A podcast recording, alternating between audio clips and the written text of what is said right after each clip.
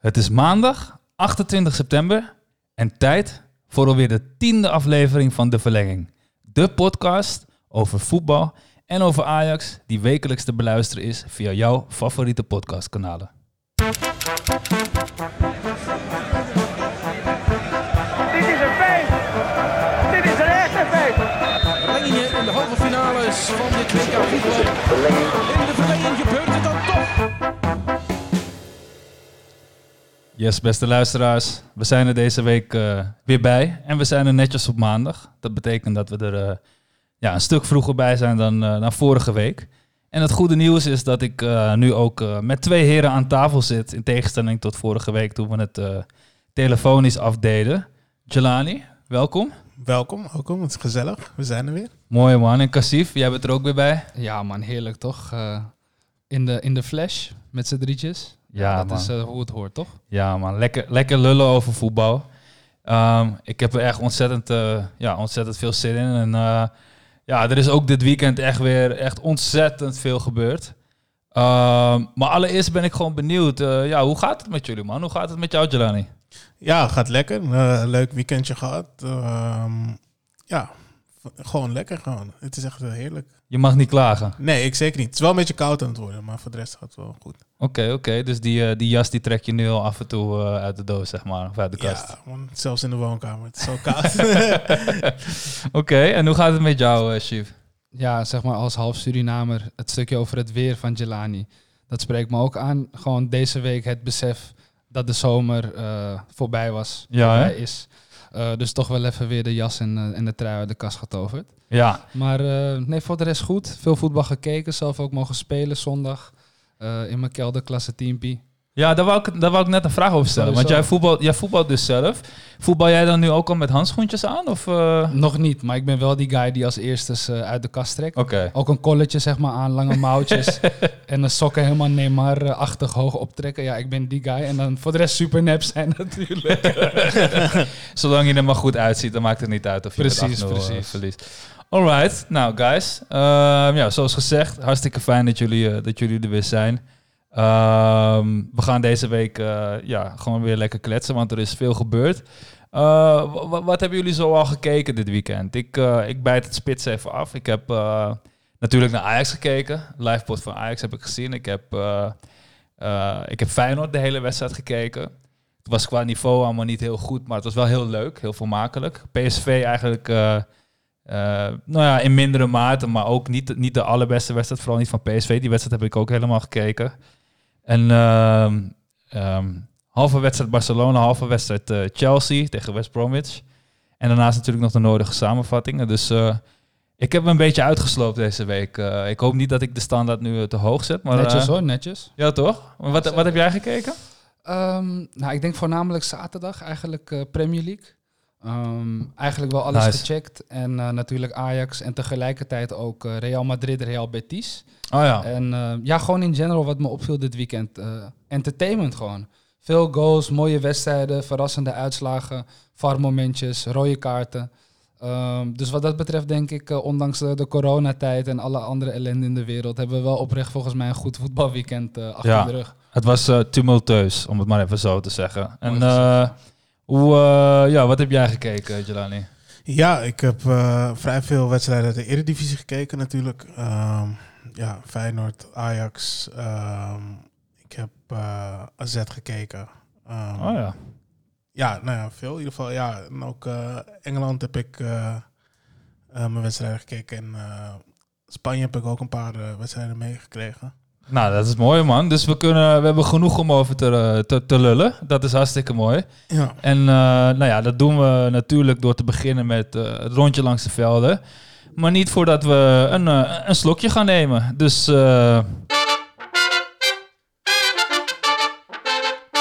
Het biertje van de week.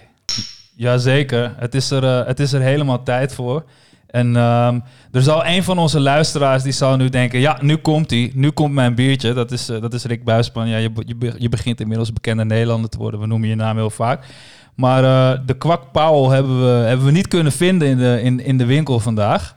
Ehm, Jelani die, eh, die is op pad gegaan om die te scoren. En die kwam eh, daardoor ook eh, erg laat aan bij mij. Dus ik zou vandaag een lekker hapje eten koken. En ik heb uiteindelijk pas om half negen of zo, kwart over acht, heb ik gegeten. Omdat, omdat de jongens een beetje laat aankwamen. Omdat je het biertje niet kon vinden. Ehm, maar niet getreurd, dat biertje gaat zeker alsnog komen. En, en we hebben ook een ander biertje voor deze week. Want eh, was dit jouw keuze trouwens, Jelani? Of eh, is deze van, Van, eh, van eh, Chief. van Chief? Alright. Ik moet heel eerlijk zeggen, ik ken best wel veel biertjes. Dit zijn me helemaal niks en ik vond het blikje er super cool uitzien, man. Dus het was een random pick en we gaan gewoon kijken wat het, eh, wat het ons brengt. Nou, Precies. voor de luisteraars thuis, we hebben hier voor ons staan, overigens heel lekker koud, maar een, eh, een eh, Punk IBA van, eh, van Brewdog.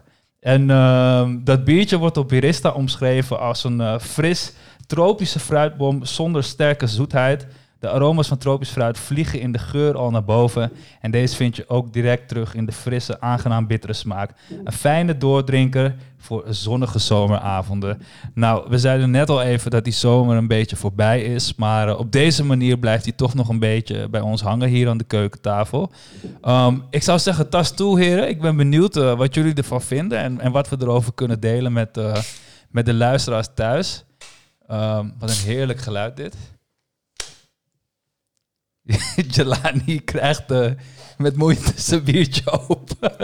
Ik heb niet zoveel ruimte hier, eh, moet ik zeggen.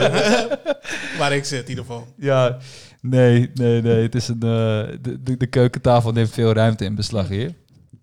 Ik moet zeggen dat de omschrijving wel echt klopt. Ja? Is hij on point? Het is, ik doe mijn ogen dicht en ik lig in het Westerpark eh, te chillen Nice. eh, in de zon. En eh, ik trek zo eentje open. Nee, oprecht lekker. eh. ik ga deze wel onthouden voor de, voor de wat mooiere dagen. Alright. En eh, hoe, hoe, hoe vind jij hem, Jelani? Eh, ja, ik vind hem wel lekker. eh, een beetje, ja, toch wel een beetje Coca-Cola light, een beetje vind ik het. van de bier. Ja, hij valt niet echt zwaar of zo. Nee. beetje, ik vind het een lekker biertje. Een beetje Coca-Cola Light. Ja, maar af en toe een Coca-Cola light, weet je. Een beetje op de suiker letten, weet je. Valt, is ook wel goed. hè. Bro, ik, Ik zeg je echt het. eerlijk. Ik vind Coca-Cola Light disgusting in vergelijking met Coca-Cola. Oh, oké. nee, True is wel zo. Maar ik snap wat je bedoelt, want we hebben triple carmeliet. En volgens mij nog een ander triple biertje gehad. Dat zijn Ja. gewoon echt die... En die van vorige week was ook 9 punt zoveel procent. ja. Dus zijn gewoon inderdaad, alcoholisten. dit is 5,4 geloof ik. Ja, volgens mij Ja. wel. Dus Jelani is, denkt van, yo, dit is gewoon best wel lichtjes gewoon. Dit is niet van Ik eh, snap onze hem wel, ik snap standaard. ja. Ja, Alright, alright. Maar lekker of niet? ja oprecht lekker, zeker. Oké. Ja, ja, ik, ik, zeker. wil, ik wil eventjes iets nieuws erin gaan gooien. Want we, we, we proeven hem natuurlijk elke week. We praten er een beetje over. En onze mening doet er eigenlijk helemaal niet toe. Maar, maar als je dit biertje een cijfer geeft, wat, eh, wat, wat, wat, wat, wat geef je het dan? 7,5? 7,5? Oké, hoog in de boom. 6,5. Ja, 6,5 denk ik. Oké, Ja. vandaar die cola light. eh, Maar dan moet je ook niet zeggen, ja, ik vind het lekker. En dit. Ah, de 6,5 bro, kom op. Ja, maar 7,5 vind ik echt hoog hoor. Ik ben het wel met uh, Jelani Even- even eens. serieus, 7,5. hoor. Als je, als je ook in acht neemt dat er nog duizenden afleveringen van de verlenging gaan komen. En dus duizenden biertjes. Dan is, dat, dan is dat redelijk hoog. Oké, inderdaad. ma- ma- maak er een 7 van dan. Oké, oké. Je staat Nou ja. ook niet sterk in je schoenen. hè? Eh, eh, Oké, dit biertje eh, krijgt dus van Cassief een 7 en van Jelani een 6,5. Nogmaals, ik zal het nog één keer zeggen. Het is de Punk IPA van Brewdog. En het is een lekker zomers biertje. Ehm, voor de mensen thuis, laat ons weten als, je, als wij een bepaald biertje moeten proeven. We vinden het hartstikke leuk om die input van jullie te krijgen. En dat kan door ons een berichtje te sturen naar, eh, ja, via onze socials eigenlijk. Ehm, dan is het nu tijd voor, eh, voor het rondje langs de velden. Er is een, eh, er is een hele hoop gebeurd. Ehm, we gaan proberen om het rondje langs de velden iets korter te maken, zodat we iets langer over Ajax zelf kunnen praten. Dat hebben we ons voorgenomen. Ehm, en we gaan kijken hoe dat lukt. Ehm, ik wil even eerst een rondje langs de velden in het buitenland doen. Allereerst, ik heb hier een aantal aantekeningen gemaakt. Ik heb staan Chelsea verliest. Dat klopt natuurlijk niet. Chelsea heeft gelijk gespeeld. Op de valreep scoort Abraham de 3-3 tegen West Bromwich Albion. Na een belabberde eerste helft waarbij eh, Chelsea eigenlijk met 3-0 achterkomt. Onder andere fout van Thiago Silva. Ehm, is dat onwennigheid, denken jullie? Ja, ik denk het wel. Ik, vind, eh, ik vond Chelsea eh, ehm, vrij slecht. Ik vind het nog niet echt een team. In vergelijking met vorig jaar vond ik ze veel beter presteren. En veel beter eh, automatisme op het veld hebben. Mhm. Maar eh, ik zie dat nu nog niet terug. Natuurlijk zijn er heel veel nieuwe spelers bij. Van Werner eh, en uh, die ben ik even niet meer. Havertz. Havertz. Ja. eh, op het middenveld staan. Havertz is ietsjes onwennig. Ja, Maar- klopt ja. Ja. En Werner vind ik eigenlijk een heel goede spits nog steeds. Die, vind Ja. wel, die gaat wel dingen laten zien denk ik in Premier League. En ja, Sierg is nog niet erbij. Ik, Ja, denk- en Chilwell speelt ook nog niet, hè? Hoe, kwam, hoe komt dat? Weten jullie dat? ik, ik heb geen idee eigenlijk. Want hij stond, eh, afgelopen wedstrijd stond Alonso eh, Ja, in de basis. Ehm, dus ik was gewoon benieuwd. Misschien, misschien is daar ook een blessure. Heel slecht, maar eh, ik, weet, ik weet daar de reden niet van. Maar ehm, nee, goed, dat, dat, houden jullie nog even van ons te goed. Dat ga ik tijdens deze uitzending even opzoeken waarom dat is. Maar ehm, ja, ik vond het toch verpand. Dat, dat, eh, dat, zoveel ingekocht. En dan eigenlijk ook wel met een beetje bombari eh, naar, een- naar een seizoenstart toegeleefd. En dan eigenlijk zo twijfelachtig aan je, aan je seizoen beginnen. Dat, eh, Ja, het is gewoon, voetbal blijft een teamsport. En wat Jelani ook zegt, automatismen zijn belangrijk. Dus ja, uiteindelijk kan je wel heel veel kwaliteit inkopen, maar het duurt gewoon eventjes. Eh, soms gaat het wat sneller, soms wat langzamer. Voordat het team gewoon in elkaar gaat passen. En ik weet niet of het al realistisch is om dit seizoen al te gaan verwachten dat ze gaan meedoen om de titel. Ehm, want ik denk dat het misschien nog een jaartje te vroeg is daarvoor. Yes, oké, duidelijk. Hey guys, snel door naar eh, het volgende team dat eh, echt op een hele rare manier uiteindelijk nog met 3-2 wist te winnen. Manchester United. Ehm stonden 2-1 voor. In de 95ste minuut krijgen ze de 2-2 tegen. In de 96ste minuut wordt er afgefloten. En uiteindelijk blijkt dat er een handsbal is gemaakt naar een kopbal van Maguire. Ehm, moet er alsnog een penalty genomen worden die Bruno Fernandes binnenschiet. En wint Manchester United dus nog met 2-3. Ehm, ook Manchester United maakt eigenlijk nog geen goede indruk. Ehm, daar wil ik persoonlijk het niet heel lang over hebben. Maar als jullie daar een mening over hebben, laat het vooral weten. Maar ik wil het eigenlijk even hebben over Donny van de Beek. Die is nu naar Manchester United gegaan. Die speelt op de positie... nou ja, eigenlijk of op de positie van Pogba of de positie van Bruno Fernandes is, maar hoe je ernaar kijkt. Maar feit is dat hij nu op één geen van beide posities speelt en dat hij, dat hij eigenlijk bankzitter is. Eh, denken jullie dat dit, eh, denken jullie dat hij een verkeerde beslissing heeft gemaakt? Ja, het is natuurlijk net begonnen. Dus het is een beetje lastig om nu al daar harde uitspraak over te doen. Maar je zou wel denken dat hij zou kiezen voor een team waar hij gelijk in de basis zou staan. Omdat je dan toch wat lekkerder binnenkomt bij een club. Ehm, en ja, hij is gevallen voor het verhaal van Solskjaer, zeggen ze. Ehm, maar ze zeggen ook dat hij ja, tussen zes, zeven clubs kon kiezen. Ehm, ik weet niet wie die clubs waren natuurlijk. Maar ja, ik, ik vind het wel jammer hoe het gaat. Ik hoop dat ze met alle drie gaan spelen. Maar dat gaat natuurlijk nooit gebeuren. Dat is veel te Nee. opportunistisch. Maar ja, waarom niet eigenlijk? Maar ja, goed, dan moet je 4-4-2 ja. gaan spelen. Echt met, eh, ja, met, een- met een goede verdediger voor... eh eh, of, of goede eh verdedigende middenvelder voor de verdediging. Of misschien wel 4-2-3-1 zelfs. Met twee, twee echte jongens, die eh, twee benenbrekers om het zo te zeggen. En dat je dan drie wat aanvallende ingestelde middenvelders ervoor kan Ja, ik vind dat gewoon een beetje anti-voetbal. Toen in dat seizoen van Ajax, uh, Schöne is eigenlijk ook geen verdedigende middenvelder. Ja. Frenkie is dat natuurlijk wel. Ehm, maar op zich, ja, als je daar gewoon goede voetballers hebt die positioneel gewoon weten hoe ze moeten staan, ook in de restverdediging. Ja, probeer het gewoon, joh. En eh, niet altijd weer met twee van die eh, stofzuigers op het middenveld. En ja, ik vind dat altijd een beetje jammer. Ja, alright. Ehm, nou ja, goed. Manchester eh, maakt dus nog een twijfelachtige indruk. Hetzelfde geldt eigenlijk ook een beetje voor, voor Tottenham. Vier punten uit, uit drie duels. Dus dat, ja, dat is ook nog niet helemaal wat het moet zijn.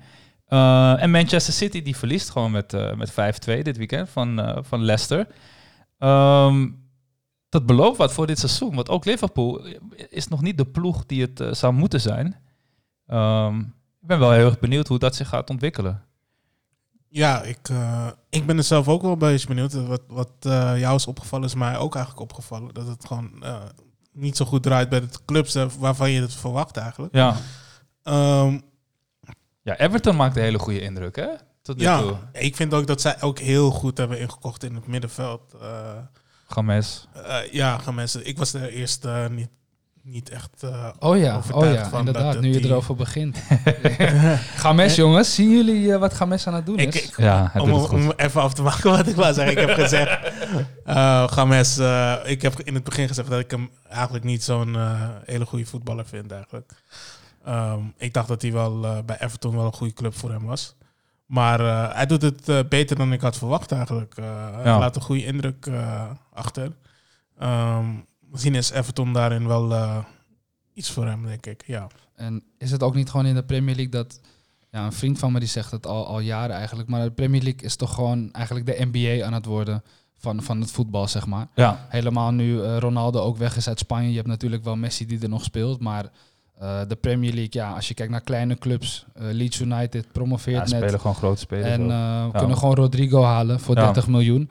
Het begint gewoon een beetje de NBA te worden. En gewoon heel competitief, wat wel, het wel leuker maakt. ja, dan zie je maar dat als die topploegen niet, niet helemaal scherp zijn, dat ze gewoon afgestraft worden. Ja. ja, ik wil nog even één opmerking maken over die Engelse competitie. Want we hadden het vorige keer, of eigenlijk twee afleveringen geleden, hadden we het over dat de elftallen van Liverpool en Manchester City eigenlijk al heel lang met dezelfde samenstelling spelen. Ehm, maar er is inmiddels wel een en ander gebeurd op de transfermarkt. En eh, onder andere Thiago is nu binnengehaald, die ook eh, vrij vlot inmiddels een opwachting heeft gemaakt bij Liverpool. Eh, gisteren is een grote transfer aangekondigd voor Manchester City met Diaz. Ehm, en nou ja, er is deze zomer wel degelijk daar wat gebeurd. Dus daar lijkt wel degelijk ook geanticipeerd te worden op, ja, op wat refreshments, om het zo te zeggen. Dus ik denk dat dat een goede zaak is eh, voor hun. Ehm, ja, nou ja, goed. Tot zover Engeland. Ehm, laten we eventjes gaan naar Spanje gaan kijken. Daar, eh, daar heeft eigenlijk Ronald Koeman zijn eerste wedstrijd gehad. Barcelona heeft met 4-0 gewonnen. Die stond eigenlijk bij rust al met 4-0 voor. En eh, maakte een hele goede indruk, een scherpe indruk. Eh, in de Spaanse media werd er over geschreven dat het heel erg deed denken aan het dreamteam van, eh, van eigenlijk de, hè, 1992 of het, of het Barcelona van Luis Enrique. Dus dat het meer het, het, het, het elftal is dat eh, verticaal en snel speelt en wat minder eh, in de lijn van Guardiola, wat echt tiki-taka voetbal was. Ehm, dus in dat opzicht maakte ze een goede indruk. Ik moet zeggen, de tweede helft, die ik overigens heb gezien, niet de eerste helft, ehm, zakte ze erg in en, en vond ik, miste ik die overtuiging wel. Uh, maar het is natuurlijk een fantastische start voor Koeman, toch, Chief? Ja, sowieso. En het is wat we als Nederlanders eh, allemaal ook hopen natuurlijk, dat hij het gewoon goed doet daar. Maar ik vind het wel opvallend wat je zegt, want ik denk ook dat in het eh, hedendaagse voetbal, wat Ajax eigenlijk ook doet, zijn die verticale eh, ballen waar je het net over had. En ik denk dat dat ook wel een beetje Koeman's stijl is. En eh, ik denk dat het ook wel kan gaan werken bij, bij Barcelona. Ik denk dat tiki-taka voetbal, ja, het is gewoon zo moeilijk om dat te perfectioneren. En je moet zo'n gebalanceerd elftal hebben die helemaal toegespitst is daarop. Dat het gewoon een heel erg eh, moeilijke speelstijl is. Ehm, dus ik denk dat dit een, goede ontwikkeling is voor Barça. Ja, en ik denk ook dat als je, om, om, je, maakt een vergelijking naar Ajax. Wat Ajax zo sterk maakte, was die, dat vermogen om bij een omschakeling uh, die restverdediging op orde te hebben, dus vooruit te verdedigen. En anderzijds om vanaf de eigen doellijn in, nou, laten we zeggen, 12 seconden over 4, 5 schijven om in, de 16 van de tegenstander te zijn. En ik denk dat dat heel erg onderdeel van het moderne voetbal is. En dat daar ook heel erg de kansen ligt voor, uh, nou ja, voor Barcelona. Uh, ten opzichte van vorige seizoenen, waarin ze vaak wel de bal hadden, maar er eigenlijk heel weinig mee gebeurde. Um, dus ja. En uh, nou ja, goed, Real Madrid wint ook met 3-2. En, uh, weer een far moment waar veel over te doen was. Um, ja, mag ik dit toevallig noemen, Jelani? Dat, dat Real Madrid heeft wel echt heel vaak een far moment. En, en ook heel vaak scoort vervolgens Ramos de penalty, maar dat tezijde. Ja. ja, het is uh, wel opvallend. Maar uh, ik, uh, ja, ik, ik kan er niet echt. ik, vond, ik vond het niet echt een leuke wedstrijd om naar te kijken eigenlijk. Oké. Okay. Maar uh, ja, er gebeurt heel veel. Ja, ik, ik merk dat. dat uh, ik dacht eigenlijk dat uh, Real Madrid wel wat uh, aankopen zou doen. Ja. Um, natuurlijk is de corona. heeft het ook getroffen. Dus ja. ik weet niet hoe hun financiële situatie in elkaar zit. Nee, inmiddels is duidelijk dat er gewoon niemand meer bij komt. Ja. Dus ik vond overigens opvallend dat Eudegaard in de basis stond en Modric wissel was. Ja. Dat, was, dat, dat, ja, dat vond ik gewoon apart om te zien. En ik denk dat dat ook echt iets zegt over niet alleen het vertrouwen dat ze in hem hebben, waardoor ze hem teruggehaald hebben, maar ook hoe hij het op de trainingen doet. Um, maar goed, Real Madrid wint die wedstrijd dus met 3-2. En dan wil ik het toch even over één man in het bijzonder hebben. Luis Suarez komt in de 71ste minuut binnen bij Atletico Madrid. Geeft een paar minuten later een assist. Scoort in de 85ste minuut zijn eerste goal en in de 93ste minuut zijn tweede goal. Ja. Um, die is, die, is, die is echt, als hij niet al een van de meest gemotiveerde spelers was, want het is een jongen die echt per se wil winnen. Maar het is nu persoonlijk geworden voor hem. Hè? Die, Ja. ja. Die wil zich echt bewijzen, denk ik wel, eh, dit seizoen. ja, Naar Barcelona toe dat dit echt een fout is. ja. Of, Ja, dat is ook wel... Het, ja, hij lijkt me wel zo'n type inderdaad, ja. En ja, jongens, als je Diego Costa en Suarez tegenover je hebt... Oh, Ja, dan ja, heb je ja. echt een slechte middag, hoor. Ja, Dan ga je heel slecht. ja, Diego Costa die zei ook van, eh, over, over dat koppel, dat nieuwgeboren koppel. Zei hij, ja, de een bijt en de ander schopt. ja. Dat vond ik wel, eh, vond ik wel een mooie vergelijking. Ook al denk ik niet dat ze vaak samen gaan spelen, toch? Ik denk niet dat je met twee spitsen zoals... nee. Hetzelfde type zijn. Xiao Ja. Felix moet er ook nog ingepast worden. Dat zou je denken Ja. als hij 100 miljoen gekost heeft. Dus Ja, kijk, wat je kan doen als je, als je bijvoorbeeld 4-4-2 speelt met eh, één spits die wat inzakt naar achteren, als een valse 10. Dat kan dan Suarez zijn, dat is een wat meer bewegelijke spits. Costa en de punt. En dat dan eigenlijk je twee eh, aanvallende eh, middenvelders aan de zijkant, dat zou dan eventueel een Joao Felix kunnen zijn en aan de andere kant een andere speler. Ehm, maar dat hangt helemaal, helemaal van het eh, systeem af dat Simeone wil spelen. Ik ben daar onvoldoende van op de hoogte. ik denk dat, dat dat meer iets is voor eh, de 70ste minuut. Als je achter staat, ja. dat je dan een van die twee inbrengt. Ja. Eh, en dan zo'n variant gaat spelen. Maar ik denk niet dat dat een basisopstelling kan zijn. Weet ik niet, denk ik. Maar wie wordt er dan geslachtofferd? Ik denk Diego Costa toch? Die heeft de afgelopen jaren niet zoveel bewezen. Vaak rode kaarten, lange schorsingen. En Ja. Suarez is gewoon... Ik denk dat Suarez echt nog wel 1, 2 hele goede seizoenen in zich heeft. Ik denk dat hij een beetje te snel is afgeserveerd. Ehm, hij heeft gewoon hele goede statistieken en hij was ook veel geblesseerd. Ehm, dus ik denk dat hij het oprecht heel goed gaat doen. Ja, en Diego Costa, weet je, mocht hij zijn plek kwijtraken, hij kan altijd nog in een hele hoop films gaan acteren. Want die jongen die heeft me toch een boevenkop. Die kan echt eh, in, in de gemiddelde maffia-film. Zorg dat hij niet meer dan twee zinnen hebt in je film. En, eh, en, en, en dat komt wel goed, wat dat betreft. Ehm, Oké, dan hebben we Spanje hebben we, hebben we kort behandeld. Waar overigens Getafe punten liet liggen en Valencia ook. Dus wij Amsterdammers met nog een beetje wrok richting vorig seizoen zijn daar eh, blij mee. Dan eigenlijk het meest opmerkelijke eh, wat er dit weekend is gebeurd in het buitenland. Bayern München die verliest voor het eerst in 23 wedstrijden met maar liefst 4-1 van, eh, van Hoffenheim. ja, heftig. Dat is echt opmerkelijk. Echt heftig. En, Ja. ik zag dit niet aankomen, eigenlijk om eerlijk te zijn. Maar eh, ja, volgens mij had Lewandowski vrijgekregen. Of eh, die speelde niet. En eh, C- of, eh, ben ik even zijn naam kwijt. Een Nederlandse jongen in de spits. CXC. Cirque ja, die stond in de basis. Ja. ja, het, eh, ja, heftig, ja, het is heel heftig hoe dit eh, verlopen is eigenlijk. eh. Maar ik, ik hoor al veel geluiden dat het ook te maken heeft met vermoeidheid. Ehm, en dat is natuurlijk niet gek. Hè? Ik bedoel, laten we wel zijn, die vorige pot winnen ze nog met 8-0 van Schalke. Eh, nu verliest Schalke alles zonder zelf te scoren. Dus dat moet je ook een beetje in perspectief plaatsen. Ze Maar- hebben één keer gescoord nu, in de negentigste minuut de vorige keer. Ja, oh ja, klopt ja. ja, ja. Ja. En, maar dan heb ik wel zoiets van... ehm, het kan natuurlijk gewoon een keer gebeuren dat je even een mindere dag hebt. En zelfs die wedstrijd die ze met 8-2 van Barcelona wonnen... Toen, toen waren ze ook kwetsbaar in het begin, verdedigend. Dus als er nu een beetje vermoeidheid insluipt... door, door de, de rare manier waarop vorig seizoen geëindigd is... en eigenlijk hoe vlot dit nieuwe seizoen weer begint... Ja. ehm, nou ja, dan is zo'n... eh, ehm, dan, dan is een mindere wedstrijd wat dat betreft niet, eh, niet heel gek. Ja, Ja, misschien, ook gewoon, ja, en misschien ook gewoon wat, wat prikkels die ze, die ze misten. Ze Ja. geven natuurlijk iedereen eh, pak slaag. Nou, Sevilla dan niet. Maar eh, wellicht dat ze ook een beetje gemakzuchtig waren. En Hoffenheim is gewoon best wel goed, eh, goed team. Gaat waarschijnlijk gewoon weer in de top 6 eindigen Europees voetbal. Ja, Ehm, dus ja, het is niet eh, zomaar een teampje die, eh, nee. die ze tegenover zich hadden. Nee, ik zie nu ook staan dat Pavard op eh, rechts achterin speelde. En Kimmich eh, speelde eigenlijk op het middenveld. Eh, en Tolisso. Dus ehm, eh, ze misten eh, Goretzka, die uiteindelijk wel inviel. En ook eh, Lewandowski, die eh, stond niet in de basisopstelling. En voor de rest stonden er eigenlijk wel gewoon de namen die, eh, die je verwacht. Maar eh, nou ja, goed. Dat kan, dat kan ook gewoon Bayern München overkomen. En laten we wel zijn. Dat, eh, het is uiteindelijk een... eh, een het is een sport, voetbal, en de bal is rond. Dus verliezen kan aan, ieder overkomen. Ehm, dan naar Italië. Juventus die speelt 2-2 eh, tegen AS Roma. Speelt een groot gedeelte van de tweede helft met, met 10 man. Ehm, komen met 2 en achter en uiteindelijk trekt Ronaldo de boel nog recht. Weer twee doelpunten van, eh, van Ronaldo. Ehm, nou ja, om dan nu te gaan zeggen dat dat, dat, dat knap blijft en zo, ja, dat, dat weten we inmiddels wel. We kunnen er bijna, een sample van maken die we elke keer afspelen, maar dat, ja, dat is heel knap. Maar hij gaf later in een interview aan, en dat vond ik wel interessant, dat hij denkt dat dit seizoen het eerste seizoen wordt waarin Juventus het echt heel moeilijk gaat krijgen om, om weer die titel eh, te pakken.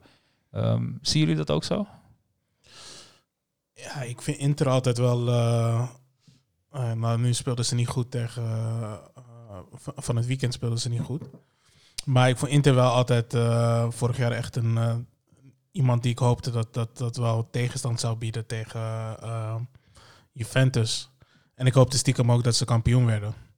Maar ja, uh, je hebt natuurlijk Atalanta die gewoon echt on- on-Italiaans speelt. Dat vind ik ook altijd heel aantrekkelijk om te kijken. Dus dan hoop je ook altijd dat het eh, gaat slagen. Maar ik denk dat ze wel veel concurrenten erbij hebben gekregen. Meer mensen hebben zich beter eh, versterkt eh, dit seizoen, de concurrenten. Ja. Ja, en natuurlijk ehm, een nieuwe trainer die ook een bepaalde speelstijl eh, wil hanteren. Ehm, Ja. ja, ze hebben wat dat betreft ook gewoon eh Higuain bijvoorbeeld ook laten gaan, maar Tweedy, Kedira volgens mij gaat ook weg. Ehm, dus ja, het gaat gewoon even weer passen en meten worden, maar ze hebben natuurlijk wel veruit de beste selectie, vind ik. Dus wat dat betreft zijn ze het wel aan hun stand verplicht. Maar eh, ja, nee, Napoli doet het lekker. Eh, Ja. Met Osimhen ook in de spits. Nog niet echt veel gescoord. Maar eh, ja, daar zie ik wel wat in. En eh, AC Milan is gewoon goed bezig ook. Ze waren vorig jaar al een opmars aan het maken. Inter, zoals Gelani ook aangeeft. Eh, Atalanta natuurlijk. Dus ik denk dat Italië misschien, zeg ik niet vaak, maar toch wel interessant is misschien om te gaan volgen dit seizoen. Ja, ik Ehm, moet je eerlijk zeggen dat, eh, wat je zegt net iets, eh, maar AC Milan had vorig seizoen eh, de meeste punten na de winterstop. Of, of, of Atlanta, een van de twee. Maar volgens mij uiteindelijk AC Milan ging daar net overheen aan het einde, dat weet ik niet zeker. In ieder geval, die beide ploegen deden het aanmerkelijk beter dan Juventus. En ik zie AC Milan dus als een hele grote outsider voor de titel dit jaar. Ehm, daar, daar, daar zit echt een, een winning, nou ja, gewoon een soort van winning feeling is daar. En nou ja, die hebben nog geen tegendoelpunt gehad. Hebben hun eerste twee wedstrijden gewonnen. Ehm, Dan krijgt Slatan wel echt de heldenstatus Ja. natuurlijk. Hè? ja. Ik wil het eigenlijk bijna niet als ik zie hoe, Ja. hoe hij zich nu profileert, ook de laatste jaren. Ik ga er gewoon best wel slecht op, als ik heel eerlijk ben. En eh, als hij dan ook nog kampioen wordt met AC Milan, dan uh, nou... Ja. Alright. Hey guys. Ehm, nou, we hebben een rondje langs de velden gedaan uh, wat betreft het buitenland. Laten we het even over de eredivisie hebben. Um, allereerst uh, de, de, eerste wedstrijd die ik zag van de, van de wat belangrijkere wedstrijden.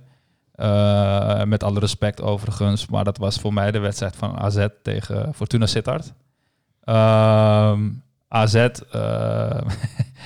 AZ die, die komt met 3-1 voor. En uiteindelijk in de laatste minuut wordt er, een, ja, wordt er nog gescoord. 3-3. Ze laten dus weer punten liggen.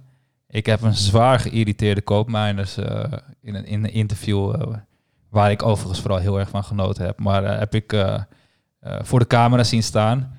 Um, we kunnen nu toch wel stellen dat, dat die, die, die basis van laten we zeggen 12, 13 man van goede spelers, dat die gewoon te krap is bij AZ om, om een heel seizoen te kunnen vlammen.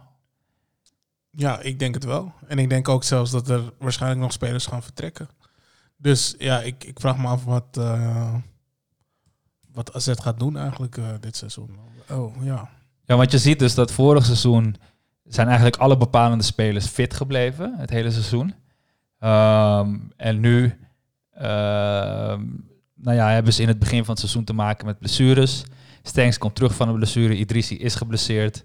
Uh, Boadu die, die, die heeft wat mij betreft een vormcrisis. Uh, het begint wel wat beter te spelen, maar was in het begin echt niet op niveau.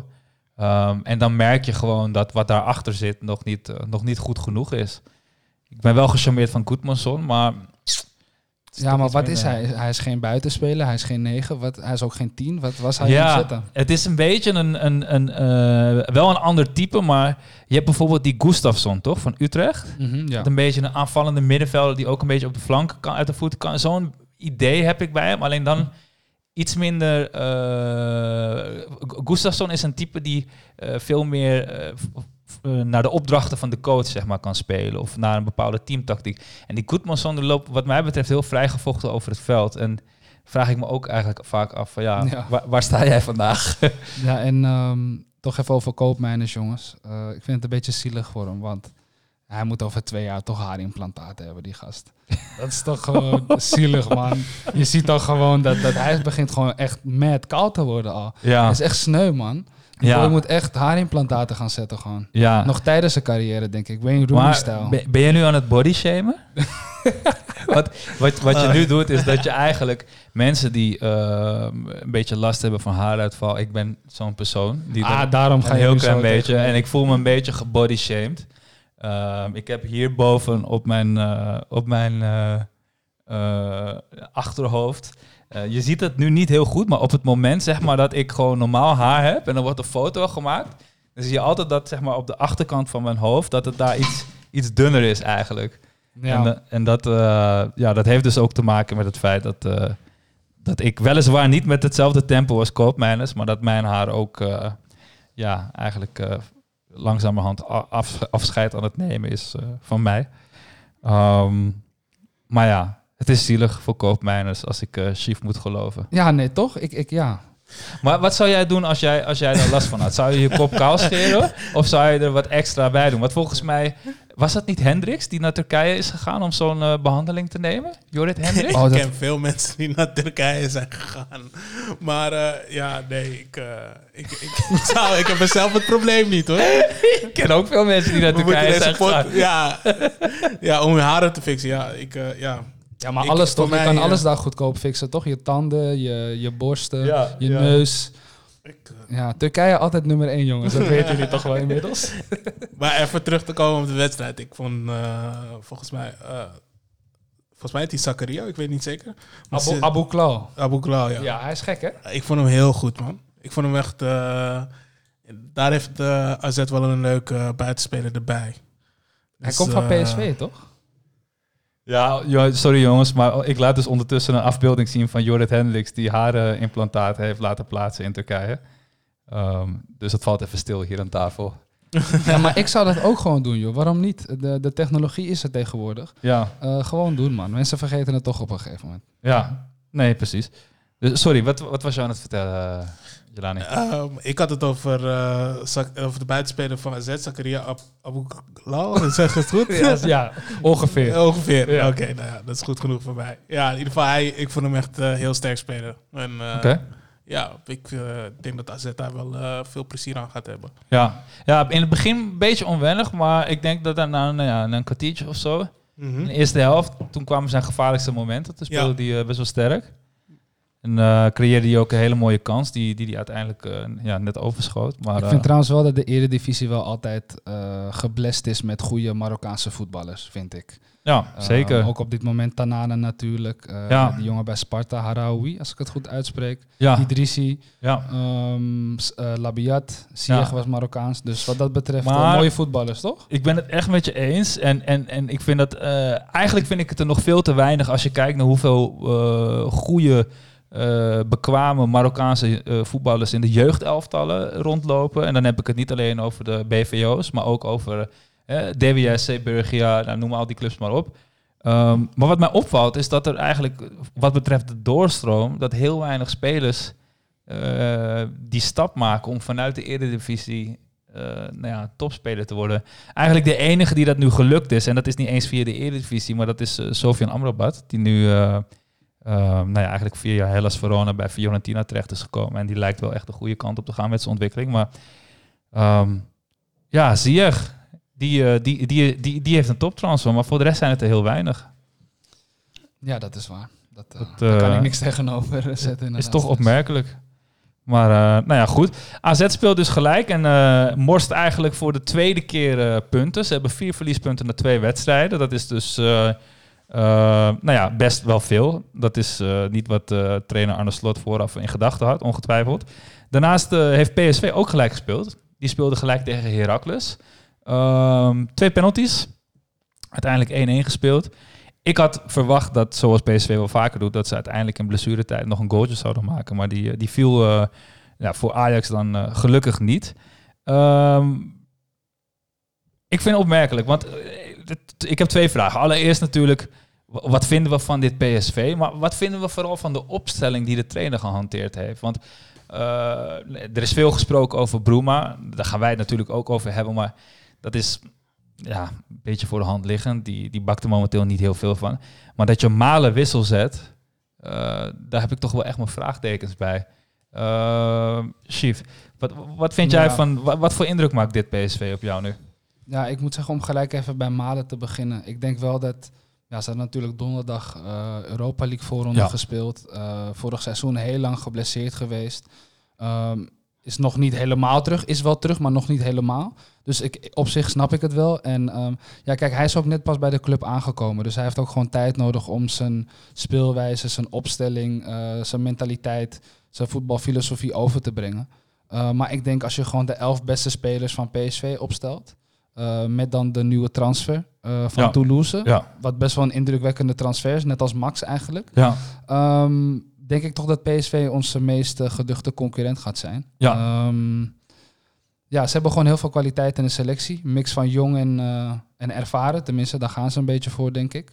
Ehm, maar ja, ik zie wel toch een sterk elftal in Eindhoven. ja. Ik ben, ik ben dat met je eens. En ik heb, ik heb overigens PSV ook als, als de, de concurrent van Ajax bestempeld. Maar eh, dat, die, dat, dat gegenpressing, waarover gesproken wordt, van, van Ro- Ro- Roger Smit. ehm, zie je dat al terug, Jelani, in het spel van Ehm, PSV? nee, nee, nee, nog niet. Ik, eh, ik zie wel dat er wel, ehm wel verdedigend vlak dat ze daar wel goed druk op zetten wanneer ze de bal niet hebben. Dat vind ik wel. Dat, dat zie ik wel verschil in, vorig, in vergelijking met vorig jaar. Maar ja, ik, ik, ik mis nog wel dat echt dat aanvallende spel wanneer ze wel de bal hebben. Ja, En ehm, ik denk dat ze nog wel aanvallend nog wel versterkingen willen halen, denk ik. Eh, voornamelijk omdat. ehm, ehm, nou, ze hebben die spits gehaald, toch? Die nog niet eh, speelt, maar die eh, Sahavi natuurlijk. Die, eh, oh ja, ja, natuurlijk. Die, ja, eh, die was niet die zal gaan spelen. En dan hebben ze nu die middenvelder gehaald van Toulouse. Ehm, dus volgens mij zijn ze er nu wel een beetje. Ehm, Ja. Ja, maar ze was- hebben nog niet in de sterkste opstelling eh, gespeeld. Nee, ik was eh Sahavi wel even vergeten, om eerlijk te zijn. Maar eh, ja, dat, eh, ja, hoe die deze, dit weekend begon met Iatare voorin, dat vind ik niet, ja, vond ik niet echt Ja, slim of zo. is Dat apart. vond- ja, het zag er heel apart uit. Ja. En ja, dat, dat ja. Maar Maar, kijk, zo, als, maak we- je, zo maak je zo'n jongen ook kapot, eigenlijk, eh, denk ik. als je gewoon even een basisopstelling van PSV zou maken, en dan ga ik niet het hele elftal doen, maar als je gewoon Malen, Sahavi, Iatare op rechts, eh, links Gakpo, die best wel in vorm is en ook Mhm. best wel goed is. Ja. Ja. Eh, die Franse middenvelder, Rosario, die Max nog linksback, Dumfries. ehm, is toch best wel sterk hoor, denk ik. eh, Ja. Ja, Nee, ja, nee, sowieso, zeker. sowieso. Zeker. En Maar- ik vind, ik vind Max, daar, daar hebben we het wel al over gehad, maar het is echt een toptransfer hoor. Dat je, wat volgens mij is hij voor 9 miljoen gehaald Ja. of zo. En als wij, eh, als Tanja Fico straks vertrekt en we kunnen voor 9 miljoen eh, een speler van die kwaliteit halen bij Ajax, dan sta ik op de banken, weet je. Dus Ja. ik vind echt dat, dat ze dat heel goed hebben gedaan. En vooral een heel groot contrast met eh, hoe dat vorig jaar gegaan is. Ehm, overigens vind ik wel dat wat betreft die gegenpressing, dus die, dat druk zetten op de bal, ehm Heracles kon er vaak onderuit voetballen. En de grap is dat Heracles dat heel goed bij PSV deed. Dat hebben ze bij Studio Voetbal behandeld. Ehm, maar heel vaak had PSV de bal en binnen, binnen na vijf, zes seconden dan, dan zat, er iemand van Heracles weer tussen. Ehm, en het mooie is dat ze speelden weliswaar met vijf verdedigers achterin, Heracles, maar ze hebben voldoende kansen gecreëerd. Ehm, dus ik vond, het, ik vond het een leuke wedstrijd om te kijken. Ik vond overigens dit hele weekend leuk in de Eredivisie. Ehm waarbij ja, clubs eh, zoals Heracles, maar ook ADO, daar komen we zo eh, aan toe, nou, toch wel een, een goed weerstand konden bieden tegen de, tegen de topclubs. Ehm, daarover gesproken, Feyenoord. Ik weet niet of we dat nog echt een topclub kunnen noemen, maar het is zeker, zeker of zijn minst wel subtop.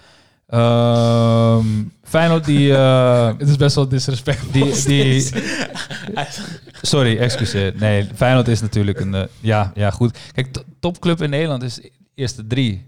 En ja, met alle respect. Ja, het heeft ook te maken, denk ik, met begrotingen en opleiding en alles. En da- Ja. daarin zijn ze wel gewoon nog steeds een top. ja, precies. Geen jong elftal. Maar, bijna geen geld. Nee. Ja, oké. Nee, ja, nee, je hebt gelijk. Ik, zit- ik doe een beetje flauw. Maar Feyenoord is natuurlijk gewoon een topclub. Maar, maar ze hadden het heel moeilijk in het begin.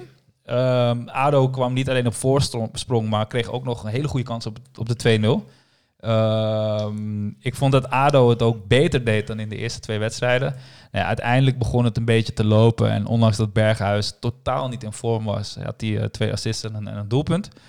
Ehm, maar veel mensen zien Feyenoord als de uitdager van, van, van Ajax. Maar het spel is... Hè? Het was echt, eh, het zag er echt heel beschamend uit. Eh, bij Vlagen moest ik zelfs echt huilen. En dan dacht ik echt van, wauw, dit is echt gewoon... Dit is te, te triest voor woorden dat iemand gewoon... Je, je ziet gewoon de bal gewoon rechtstreeks naar je tegenstander in de voeten. Het is gewoon op, op niet eens vijf meter afstand. Ja, het het is niet eens dat hij, dat hij hem onderschept. Je, je paast hem gewoon letterlijk naar de, naar, naar de tegenstander. Je ging wel huilen van het lachen, toch? Mag ik hopen? Ja, ook. Ja, ja, ja. Allebei. Ja, ja. Heftige middag dan voor je, grap. Ja, ja, sorry man.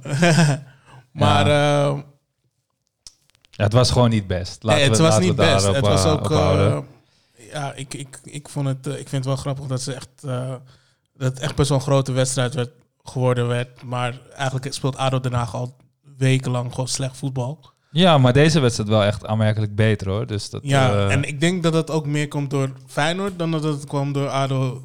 Nou, Ja. Maar ja, dat is, ja. Ik Ja. vond het wel in ieder geval, misschien is dit wel de opgang van, eh, of de verbetering Kijk, van ADO Haag. moet, moet er niet vergeten, ADO heeft gewoon echt een, eh, een grote schoonmaak gehouden. Er zijn eh, typische Haagse eh, spelers zijn daar weggegaan die er al lang spelen. Ehm, eh, ja, er, er waait een frisse wind met allemaal jonge spelers. Dus dat moet ze draai gaan vinden. En, en ik, als ik afga op de eerste helft tegen Feyenoord, dan geloof ik dat dat nog best een dingetje kan worden dit seizoen.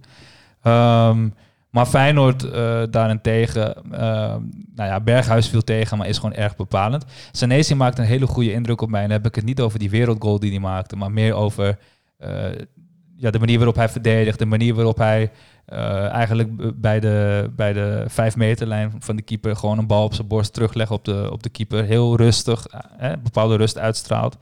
Ehm, dus dat vind ik een hele sterke speler. Maar ik vind tegelijkertijd een Kokju, waarover gesproken wordt alsof dat een toptalent is, die is eh, ongenadig hard door het ijs eh, gezakt deze wedstrijd. En vind ik persoonlijk ook eh, een tikkeltje overschat naar aanleiding van vorig seizoen. Ehm, dus dat, dat viel allemaal een, ja, een beetje tegen. Ehm, Oké, dan door naar eigenlijk de laatste wedstrijd die ik nog even wil uitlichten. We hebben het al vaak gezegd, Heerenveen, dramatische voorbereiding. Maar heeft gewoon negen punten uit drie wedstrijden. En eh, Joey Veerman eh, heeft weer gescoord. Dat doen ze uitstekend. En het schijnt dat er een last-minute transfer in de lucht eh, hangt. Want Southampton is geïnteresseerd. Ehm, is dat een stap die hij moet willen maken? Ja, ik denk het wel. Ik denk dat hij een stormachtige ontwikkeling doormaakt. Bij Volendam heeft hij eigenlijk ook niet zo lang in de, in de basis gestaan. Toen heeft hij al een transfer naar Heerenveen gemaakt. En hier is hij eigenlijk nu iets meer dan een jaar. Laat hij al zien dat hij, eh, dat hij gewoon het beste speler van het team is. Dus ik, eh, ik zou het zeker doen. Ik denk dat Engelse teams dachten, nou, als hij twee van dat soort doodschoppen kan eh, overleven, die kreeg hij echt namelijk, dan, Ja. dan kan hij de Premier League ook wel aan. Dus dat was misschien wel een mooi moment voor hem. ja. Maar ja, ik denk dat er geen eer valt te behalen bij, bij Heerenveen voor hem. Ehm, zonder hem zijn ze gewoon een hele matige ploeg, denk ik. Ehm, en ik denk, ja, waarom niet gewoon doen? En uh, Southampton, een mooie club. Van Dijk is daar ook groot geworden. Ja. Um, ik zou het gewoon doen. Ja, laten we wel zijn. Als je, als je daar voetbalt, dan, dan je gaat niet onder de miljoen zitten qua salaris. Waarschijnlijk zelfs Dat richting ook de anderhalf miljoen. Dus om nou te zeggen dat je je financieel onafhankelijk speelt, is misschien wat groot gesproken. Maar als die jongen daar een uh, drie of vierjarig contract tekent, dan, dan moet het raar lopen. Wil hij uh, het later lastig krijgen, financieel gezien. Dus het, is gewoon heel, het geeft heel veel zekerheid. En het is prachtig om te kunnen zeggen dat je in de Premier League uh, hebt gespeeld. Dus uh, nou ja, dan, dan is toch de, de speler die, die getipt werd door jullie. Is dan toch de man in de spotlights die waarschijnlijk zijn transfer gaat pakken. Ga je dan ook huilen, Jelani, als hij een transfer maakt? Veel sufferings, veel sufferings. Oké, okay. Jelani die heeft het er moeilijk mee. Zo moeilijk dat hij nu eventjes niet uh, uit zijn woorden komt. Hey guys, uh, laatste mededeling wat betreft de Eredivisie. Uh, er is zojuist bekend geworden dat er geen publiek meer welkom is bij de wedstrijden. Aankomende drie weken. Um, ja, het is wat het is hè. Ja, ik, ik wil er niet te veel over uitweiden, maar het was wel iets wat te verwachten was, denk ik. Ja. Um, wat ik wel trouwens vind is dat, uh, tuurlijk, de fans van Willem II hebben een fout gemaakt. En tuurlijk, bij Feyenoord waren ze iets te fanatiek aan het doen. Maar ik denk dat het oprecht geen invloed heeft gehad op, eh, op deze beslissing. Eh, de besmettingen zijn dusdanig hoog volgens onze minister-president. eh, dat dit wel in de lijn der verwachting eh, zat. Ja. Dus ik denk oprecht dat dat niet heel veel had uitgemaakt. Want dat hoor je nu overal. Dat het, ja, kijk naar die Willem II supporters en kijk naar die Feyenoord supporters. Maar ik denk oprecht dat het niet echt... eh, Nee, dit komt uit een groot toch? plaatje. Ja. Dit, komt, dit komt echt uit, uit de toenemende besmettingen, gewoon landelijk. En daar moet wat aan gedaan worden. Dus, eh, nou ja, dat is eigenlijk de hele reden, reden denk ik. Alright, hey jongens, tot zover het rondje langs de velden. Ehm, we, we hebben het iets sneller gedaan dan eh, vorige keer, maar eh, nog steeds best wel lang eigenlijk. Maar dat zullen we gaandeweg op gevatte wijze proberen in te korten. Ehm, dan gaan we het puur hebben over Ajax. Ajax heeft de wedstrijd tegen Vitesse gespeeld. Ajax heeft deze wedstrijd eh, gewonnen met 2-1. Eh, wat betekent dat Ajax eh, nou, na drie wedstrijden nog steeds op, op negen punten staat. De laatste keer dat dat gebeurde was in het seizoen 2015-2016 onder Frank de Boer. Dat was het seizoen waarin Ajax uiteindelijk op de laatste speeldag een kampioenschap misliep, omdat er gelijk gespeeld werd tegen de Graafschap. Ehm, dus laten we hopen dat eh, deze, deze volle buit in de eerste drie wedstrijden niet een voorbode is voor een jaar waarin we geen kampioen worden. Ehm, maar het is wel lekker toch? Dat je gewoon eh, eh, eh, een aantal wedstrijden, of eigenlijk twee wedstrijden waarin je rood pakt, dat je dan toch die wedstrijd over de streep trekt. En die punten dan thuis houdt. Ja, het is, is een mooie ontwikkeling dat het team heeft doorgemaakt. We hebben het al eerder over gehad natuurlijk.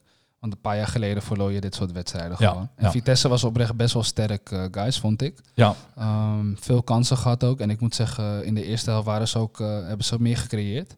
Ja. Ehm, dus wat dat betreft gewoon een hele taaie pot. En eh, ja, gewoon een mooie rode kaart. En ehm, nou ja, niet, een mooie rode kaart. Nee, die was niet mooi, maar mooi om te zien hoe het team daarmee om is gegaan. Ja, echt gestreden voor elke meter. En je, toen kwam echt de, de pure klasse naar boven drijven. Kudus met een rush. En Anthony, die hem echt heel bekeken. Met zijn chocoladebeen in het Ja. hoekje legt. Dat is echt kwaliteit, jongens, oh, denk ik. En sowieso hoe die speelde was echt, eh, was echt geweldig. Ja. En ehm, nee, gewoon lekker eindelijk een keer eh, competitie weer goed begonnen. Het is ons de laatste jaren niet echt gegund. Eh, dus ja, laten we het gewoon doortrekken en gewoon dit soort wedstrijden uit het, uit het vuur slepen. Ehm, Ja, want eh, als ik daar even op mag inhaken. Je gaf eigenlijk al aan dat Ajax eh, eh, nou ja, eigenlijk iets wat moeizaam eh, aan die wedstrijd begon. Volgens mij na drie minuten was er al een grote kans van, eh, voor Tanane. Na een, na een hele mooie rush. Een paar seconden. Eh, Een paar seconden zo. Ja, dat was de eerste minuut. Ehm, nou ja, toen werd er al bijna gescoord. Eh Promes had de eerste helft ook nog een aardige mogelijkheid. Maar eh, Vitesse die, eh, die maakte gewoon een hele gretige en, en goede indruk. Ik wil niet zeggen overigens dat Ajax slecht speelde, maar het was gewoon een open wedstrijd met twee ploegen die wilden voetballen.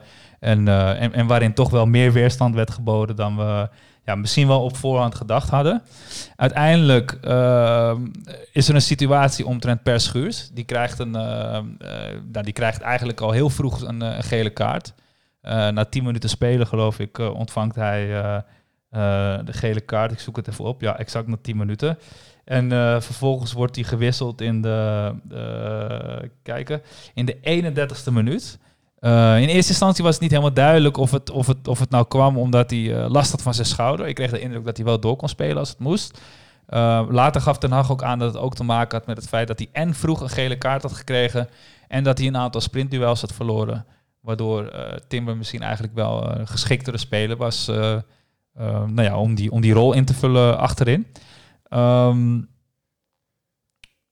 dat heeft toch best wel goed uitgepakt, toch? Of niet? Ja, zeker. Je ziet gewoon dat, eh dat gewoon een hele goede ontwikkeling heeft doorgemaakt. En dat, daar kunnen we best tevreden over zijn. Alleen je ziet gewoon wel dat hij eh, kwetsbaar is met de ruimte in zijn rug. Hij is niet de allersnelste. Eh Daily Blind is dat helaas ook niet. Dus ik denk dat Timber echt een hele mooie toevoeging is. Hij viel echt super goed in. Eh staat overal heel goed tussen. Eh, is ook wel gewoon een stevige verdediger. Hij schuwde duels niet. Eh, opbouwend en voetballend kan hij het ook gewoon eh, eh, best wel goed neerzetten. Ehm, dus ja, ik was echt heel erg positief verrast door hem. Vorig seizoen tegen Heerenveen natuurlijk al de laatste wedstrijd gespeeld. Maar ik denk echt dat, het, ja, dat je oprecht nu kan kijken naar de tegenstander. Wat voor soort aanvallers hebben zij? En gaan we Timber of Schuurs neerzetten? Ja, oké. Ja, ik, ik zelf ben daar geen voorstander van. Ik, ik, ik, ik, ik heb echt het gevoel dat we Schuurs nu gewoon echt eventjes voor wat langer het vertrouwen moeten geven. Ehm, ik vind hem overigens juist eh, niet per se langzaam. Alleen hij is op de eerste meters is hij best wel langzaam. En het, het is typisch zo'n lange speler wat betreft zijn snelheid in het rennen. En nu zag je gewoon dat hij een paar keer echt eh, eruit gesprint werd. Maar ik heb ook eh, in andere wedstrijden gezien dat hij nog best wel eh, op snelheid zijn, eh, zijn aanvallen weet te kloppen. Maar ik ben wel echt met je eens dat Timber zijn motoriek, zijn, zijn, zijn, de type speler die hij is, dat dat gewoon veel beter was voor deze wedstrijd. En dat hij het echt uitstekend heeft gedaan en eigenlijk ook een, een waardig vervanger is voor, nou ja, in dat centrum daar achterin. Um, dus um, ja, ja, daar ben ik zeker met je eens. En hoe kijk jij daar tegenaan, Jelani? Ja, ik vond dat uh, Schuurs het wel moeilijk had tegen Openda, voornamelijk. Ja, hij is best wel rap. En ja, um, ja dat was gewoon... Uh, zeker in de eerste paar minuten was dat best wel moeilijk om naar te kijken. En Tenane die er ook uh, regelmatig eroverheen ja. ging. Um, vrij, een vrije rol had. Dus die, ja, dat was, waren veel beweging, er was veel beweging bij, bij Vitesse. En uh, ja, je zag duidelijk dat Schuurs het een beetje moeilijk had. Dus ik vond het eigenlijk, uh, denk ik eerder dat dit een tactische wissel was. Ja, hè? Ja, en uh, ik denk dat het best wel een, zoals hij best wel goed heeft uitgewerkt, uit, uitge, heeft gewerkt. Ja. Oké. Okay. Hey guys, even iemand anders. Um, Masraoui. Ik vond hem echt fantastisch spelen. Echt. Ik heb echt genoten van hem. Het is... Het ja, de, ja. Het, het, waarom begin jij te lachen, Cassief? Nee, omdat ik, ja, ik, ik, um, ik was ook heel erg tevreden over hem. En uh, ik ben blij dat hij het vertrouwen heeft gekregen van Ten Hag, want het heeft echt gewerkt. Ja. Uh, ik was nog altijd van mening dat als Serginho Dest was gebleven, even ervan uitgaande dat hij, dat hij vertrokken is natuurlijk. Um, ja, ik was gewoon meer gecharmeerd van hem. Ja. Um, maar Masraoui, ja, als hij dit constant zeg maar één seizoen kan volhouden, niet geblesseerd raakt, ja. dan heb je een hele goede aan hem. Maar ik heb nog niet een heel seizoen van hem blessurevrij. En, en hij heeft ook wat, uh, wat dalen ge gekend. Bijvoorbeeld ja. de 6-2 tegen Feyenoord uit mijn hoofd die we verloren. Daar was hij echt gewoon aan het pitten. Um, dus ja, als hij het constant kan volhouden, jongens, oprecht uh, helemaal mee eens. Ja. Ja, ik vind, weet je wat, over, over die, over nog even over die discussie tussen Dest en Masrui. Ik vind gewoon dat uh, Dest is aan de bal, is hij heel begaafd, heel technisch. En, en qua rennen aan de bal is het een hele goede speler. En ik vind juist dat Mazraoui heel goed is in het rennen zonder bal. En in, in de paasjes die hij verstuurt. Um, het zijn voor mij echt twee verschillende types. En, en ik vind uh, dat Mazraoui, uh, dat zijn type als hij in vorm is, zoals hij tegen Vitesse eigenlijk echt in vorm was, dat dat type rechtsback iets beter is voor het Ajax-systeem. En ik merk dat er een hele goede chemie is tussen Anthony en, uh, en Mazraoui. Die twee spelen heel leuk samen. Dus, ik vind Masraoui altijd in de combinatie wat uh, leuker uh, ja, spelen. Ja, ja precies. Ja. Qua passing en ja, ja, ik weet niet. En uh, niet dat ik Des slecht vind hoor, maar ja, ik vind, ik vind Masraoui gewoon heel goed spelen op rechtsback. En als het zo doorgaat, zou ik zeggen van ja, verleng zijn contract voor een paar jaar. Dan heb je in ieder geval nog iets stabiels en dan kan je kijken naar wat er in de jeugd rondloopt qua rechtsback. Ja, ik moet zeggen, Mazraoui zal ook echt niet het, uh, het dikste contract hebben van iedereen. En als je nee. een speler hebt die uh, absoluut niet slecht is. Kijk, we weten natuurlijk niet hoe zijn ontwikkeling doorzet en hoe constant hij zal zijn dit seizoen. Maar als je speler van dat kaliber in huis hebt en hij heeft zoiets van ja, ik ga nergens heen, ik blijf hier. Dat heeft hij ook aangegeven in de afloop. nou ja, probeer zo'n jongen dan aan je te binden. Ja. Um, en, en, en, je hoeft er waarschijnlijk ook niet uh, financieel heel veel concessies voor te doen. Dus dat, uh, ja, dat moet niet al te ingewikkeld zijn. Uh, dan uh, twee andere jongens. Uh, nou, er is natuurlijk heel veel over gesproken, maar Kudus en Anthony. Die, Fantastische aankopen op het eerste oog. Ja, ja absoluut. Ja. Dus dat, ja. Ja, ik moet eerlijk zeggen, van Anthony had ik wel al verwacht dat hij een dribbelaartje was en dat hij diepgang in zijn spel heeft. maar ik ben echt positief verrast door, door zijn passing. Dat is... Uh, ja, ja. Het is echt, uh, blijkt gewoon een sterktepunt van hem te zijn. Gewoon passing, dribbel, snelheid. En ook inzicht om... om ja. weet we hadden het er net, voordat we begonnen aan de uitzending, hadden we het er even over. Maar die paas die hij geeft op Mazraoui, waar, waar eigenlijk die eerste goal van Promes uitvalt.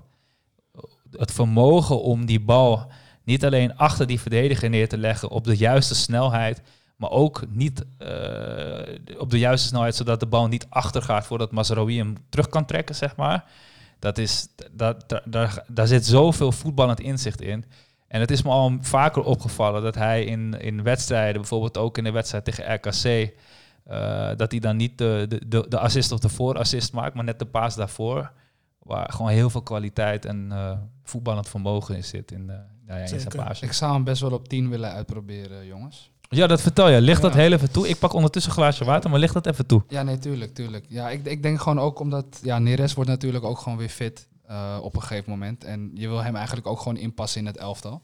Ook omdat hij een bepaalde transferwaarde eh, vertegenwoordigt. En ja, Anthony gewoon met zijn intelligentie, zijn voetbalintelligentie, wat je net al aangeeft, zijn steekpaasjes, ehm, zou ik hem toch heel graag op, eh op tien een keer willen proberen in plaats van, van Promes. Want ik vind Promes gewoon geen echte tien. En ik, ik ga het wel blijven herhalen elke week. Maar ik vind hem gewoon, ik vind hem heel gevaarlijk eh, in de laatste 30 meter. Eh assist, goals, hij staat altijd op de juiste plek, goed schot. Maar ik vind hem gewoon in de opbouw heb je gewoon niet zoveel aan hem. En ik vind het gewoon een beetje jammer als je dan ook nog Alvarez op het middenveld is die je eigenlijk ook overslaat in de opbouw. Eh, vind ik het gewoon een beetje karig voor, eh, voor je middenvelder, zeg maar, voetballend vermogen aan de bal. Ehm, dus ja, om Neres ook in te passen ehm, op rechts, op zijn originele positie, laten we dat even zo zeggen. Anthony gewoon op 10 proberen, ja, waarom niet? Ik, eh, Ja. ik vind Promes gewoon niet echt daar thuis horen. Hij kan er wel spelen, maar hij hoort er gewoon niet, eh, niet thuis. Dus eh, waarom niet een keer Anthony proberen? Ja, wat jij zegt over Neres, dat heb ik hier namelijk ook opgeschreven. Ehm, ik denk dat het, dat het een must is om Neres in te passen, om twee redenen. Enerzijds omdat het kapitaalvernietiging als het niet doet. Anderzijds omdat Neres en Anthony hele goede vrienden zijn geworden. En op het moment dat Anthony nu eigenlijk de basisplek van Neres overneemt, ehm, gaat dat niet alleen effect hebben voor eh, misschien wel het spel van Neres individueel. ehm, dat hij minder vertrouwen heeft, maar ook voor die relatie onderling. En ik denk juist dat die twee, ehm, eigenlijk vooral voor Anthony, maar dat die, dat die vriendschappelijke relatie ook heel belangrijk voor hun is. Eh, ik kan moeilijk op, op waarde schatten hoor, in hoeverre zij volwassen genoeg of professioneel genoeg zijn om dat los van elkaar te zien. Maar goed, ik krijg de indruk dat, dat Neres Anthony heel erg opvangt sinds hij hier in Nederland is. En als die jongen dan uiteindelijk, kijk in het begin was het zo dat Anthony basis was omdat Neres nog niet fit was. Maar ik krijg nu steeds meer de indruk dat Anthony ook niet meer uit de basis gaat verdwijnen voorlopig. Ik denk het ook niet. Dus Nee. uh, wat mij betreft wordt Labiat geslachtofferd. Ik hou Promes het liefst wel op 10. Uh, ik sta er iets anders in. Maar ik zou Labiat slachtofferen, Tadic in de spits en dan Neres op links en dan uh, Anthony op rechts. Ook goed. En dan kun je goed. die twee ook gewoon tijdens de wedstrijd kan je ze omwisselen. En dan kan je ook zelfs tijdens de wedstrijd kan je zeggen, oké, nou weet je wat, nu gaat Promes even op links, gaat Anthony op 10. Weet je, dat je af en toe wat Ja, dynamiek ja. Wat, uh, wat uitprobeert. Maar ik zou ten alle tijden proberen om, uh, om Labiat als eerste te slachtofferen in dit elftal. Um, overigens ben ik wel tevreden over hoe hij het doet, Labiat. Um, niet niet naar, naar, naar de norm van wat een Ajax-spits moet doen. Uh, maar wel naar, uh, als je kijkt wat zijn bijdrages de afgelopen seizoenen is geweest. Gewoon heel erg beperkt. En nu toch uh, nou ja, regelmatig speelt. Uh, Overmars kennende zal die uh, nou, gewoon twee keer zoveel uh, terugkrijgen voor uh, wat ze ervoor hebben betaald op deze manier. Ja. Dus, uh, Ja, maar ja, Labiat is, ik vind het een beetje sneu voor hem, want hij begint nu fit te raken en hij, hij kan echt heel goed voetballen, vind ik. Maar hij is gewoon een perfecte wisselspeler. Je kan hem op de zijkanten zetten, je kan hem in de spits zetten blijkbaar, je kan hem op 10 zetten. En uh, ja, die multifunctionaliteit is, is vaak je grootste vijand. Ja. Uh, kijk naar Nigel de Jong bijvoorbeeld vroeger. Um, maar ja, hij is gewoon geen spits. Dus als we hem beoordelen op, op hoe hij in de spits speelt, vind ik het ook eigenlijk niet helemaal eerlijk uh, naar hem toe. Maar goed. Ja. Hey guys. Je ziet het ook wel terug. Dat er is twee keer rood uitgedeeld en hij is de eerste die eruit moet. Dus dat, is ook, dat zegt ook wel iets, uh, ja. Denk ik. Ja, ja, maar dat heeft natuurlijk ook gewoon te maken met dat een spits vaak geslachtofferd wordt in zo'n situatie. Dat je dan met een valse spits gaat spelen. En aangezien Tadic... Er is gewoon een beleid in Ten Hag's hoofd is Tadic wissel ik niet. Gewoon niet. En uh, um, je hebt met Tadic al die valse spits op het veld staan. Dus dan zal weer altijd geslachtofferd worden. Maar Promes speelde volgens mij meer uh, op die positie, toch? Ja, hij heeft op een gegeven moment heeft ja. hij op een gegeven moment heeft hij eigenlijk uh, is hij eigenlijk heeft hij Tadic iets meer naar naar ja hoe zeg je dat naar de binnenkant als het ware laten spelen. Um, En is Promes weer een klein stukje naar achteren geschoven, als het ware. Dus het is wel waar wat je zegt. Centraal speelde Promes. Maar vanaf die rode kaart is Tadic eigenlijk iets meer naar de binnenkant gaan spelen. En iets minder echt als linksbuiten. Ehm, kwam wel die goal uit ook, toch? Dat, eh dat Tadic die bal vasthield. Kudus pikte hem op. Ja, En eh, die maakte toen die rush. Eh, terwijl met Labiat kan je die ballen gewoon niet geven. Dus als wij onder druk gezet worden, wij als in Ajax natuurlijk, ja. dan als je dan de lange bal gaat spelen op Labiat, ja, die ga je gewoon verliezen. Maar bij Tadic kan je hem wel kwijt in de as. Ja, Tadic is, is, heeft, heeft in ieder geval bewezen, laten we het zo zeggen, dat die bal vaster is dan, dan Labiat. En van Labiat zou het er best in kunnen zitten, maar dat is nog niet duidelijk. Het is wel zo dat Labiat echt een eh, uitstekende traptechniek heeft, dus dat, dat spreekt zeker voor hem. Maar eh, ja, nou ja, goed. eh, er, zal, af en toe iemand moeten sneuvelen, om het maar heel grof te zeggen. En vooralsnog lijkt Labiat de beste optie wat dat betreft. Ehm, nou ja, zoals gezegd, er was een rode kaart. We gaan straks die stelling behandelen. We gaan vandaag voor het eerst werken met fragmenten uit andere podcasts waar we een stelling bij koppelen. Daar gaan we het over hebben. Eh, maar feit is dat wel alvast duidelijk is dat Alvarez er eh, de aankomende wedstrijden niet bij is. Ajax gaat wel in beroep tegen de schorsing. Er is zojuist bekend geworden dat er drie wedstrijden, waarvan één voor, voorwaardelijk is geëist. Ehm ervan uitgaande dat Alvarez er niet bij is. eh, en vooral ook dat Gravenberg terug is. Hoe, hoe komt het middenveld eruit te zien, denken jullie? Ehm, als eh, Gravenberg weer fit is, denk ik dat Gravenberg en Koeders het gaan worden. Denk ik. Ja? En eh, anders zou het denk ik wel eh Kenneth Taylor misschien met Koeders. Ik weet het niet. Dat vind ik een beetje moeilijk. Ja, Ja, of Martinez, maar dan heb je twee linkspoten naast elkaar. Oh ja, Dus Ja, en dat is met Taylor dus Ja. ook. En dat, dat is wat ik zo lastig eraan vind. Is dat ehm, ik, ik denk dat, dat, dat eh, het zou zomaar kunnen zijn dat met Gravenberg en Kudus de puzzel ineens helemaal op zijn plek valt. Hè? Want ik vind, eh, ik, ik vind Kudus een ander type speler, maar af en toe een beetje glimp van Frenkie de Jong qua verdedigend, de duels die hij wint, qua de dribbles die hij inzet. En toch ook wel het inzicht. Maar laat voorop staan, het is echt een ander type speler. Hè? Maar vergelijkbaar gedrag af en toe vertonen op het veld. Ehm, en Gravenberg is voor mij ietsjes meer... ehm, ja, eh, ja, box-to-box wil ik het zo noemen. Ehm, nou, ik ben gewoon, la- laat me anders zeggen, ik ben gewoon heel erg benieuwd hoe die, wat voor balans er ontstaat als die twee naast elkaar spelen. En voor mijn gevoel kan dat echt heel goed uitpakken. Eh, daarbij ga ik er dus vanuit dat Promes gewoon blijft staan hè, op die teampositie. Maar voor, voor mijn gevoel kan het heel goed uitpakken. Voor mijn gevoel kan het ook eigenlijk zo zijn als, als, als, als te veel van hetzelfde, zeg maar. Twee, twee verschillende types. Ja, als ze gewoon verdedigend hun taken blijven uitvoeren en zorgen dat de restverdediging op orde is, want ze willen allebei graag ook eh rushes naar voren maken, Ja, dan zou het misschien wel kunnen werken. Of het in de Champions League eh, echt gaat werken, dat, dat moet maar blijken. Maar ik zou het in de Eredivisie zeker, eh, zeker proberen. Je hebt 75% eh, van de wedstrijd de bal. Je speelt voornamelijk op de helft van de tegenstander. Ik zou het gewoon lekker doen, joh. Dan, heb ik een, an- dan, dan ga ik de vraag anders stellen. We gaan nu even uit van eh, dat Champions League scenario waar jij het over hebt. Maar we gaan er ook vanuit dat Alvarez niet kan spelen. Speel je dan liever met eh, twee linkspotige middenvelders? Dus met eh, Martinez en eh Kudus?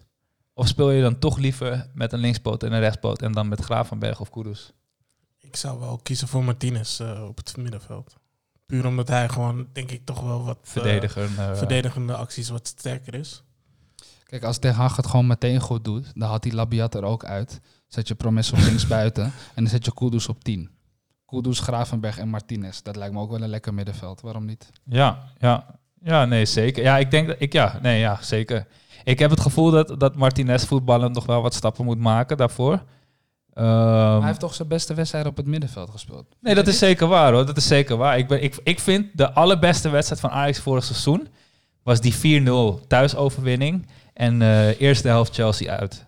En daar speelden allebei die wedstrijden speelde Martinez eh, verdedigend. En op 8 speelde Van der Beek en op 10 speelde Ziyech. Dat was echt... eh, Van der Beek ook een box-to-box 8, Ja. net als Gravenberg. ja, En op 10 gewoon een jongen die ook op 10 kan spelen. Niet eigenlijk Promes die eigenlijk een Ja. spits aanvallen is. Vind ik. Ja, nou ja, dan ben, dan, in dat geval ben ik heel erg benieuwd naar de, de steekpaasjes van Kudus. Want ik heb hem heel veel zien doen. Maar qua steekpaasjes eh, nog niet echt eh, het typische nummer 10 spel gezien. Uh, maar goed, er is weinig wat hij niet kan, dus wellicht dat, eh, dat dat er ook in zit. Eigenlijk wil ik teruggrijpen naar eh, de allereerste podcast waar ik in zat, geloof ik. Toen had ik het over een ander systeem. Mhm. Ik denk nog steeds dat in de, met de huidige selectie die we hebben, als je op het middenveld met de punt naar achteren speelt, in dit geval dan Martinez. En Ja. dan zet je links eh Kudus en rechts Gravenberg of andersom, dat maakt mij niet uit. En dat zijn dan meer de box-to-box eh, middenvelders. Ik, ik zou dat ook echt wel zien werken met een valse spits in Tadic, die de bal vast kan houden en kan zorgen dat eh er verder gevoetbald kan worden. Ik zie dat ook wel echt als een optie, maar Ten Hag wil per se aan de 4-2-3-1 eh, vasthouden. Ja, Dus eh, ja, ik weet het niet. ja. Oké, nou ja. ehm, wat betreft dus het middenveld aankomende wedstrijden, als Alvarez er niet bij is. eh, ja, ik ben oprecht benieuwd wat hij gaat doen. Of hij het aandurft om eh, Gravenberg en Kudus naast elkaar op te stellen.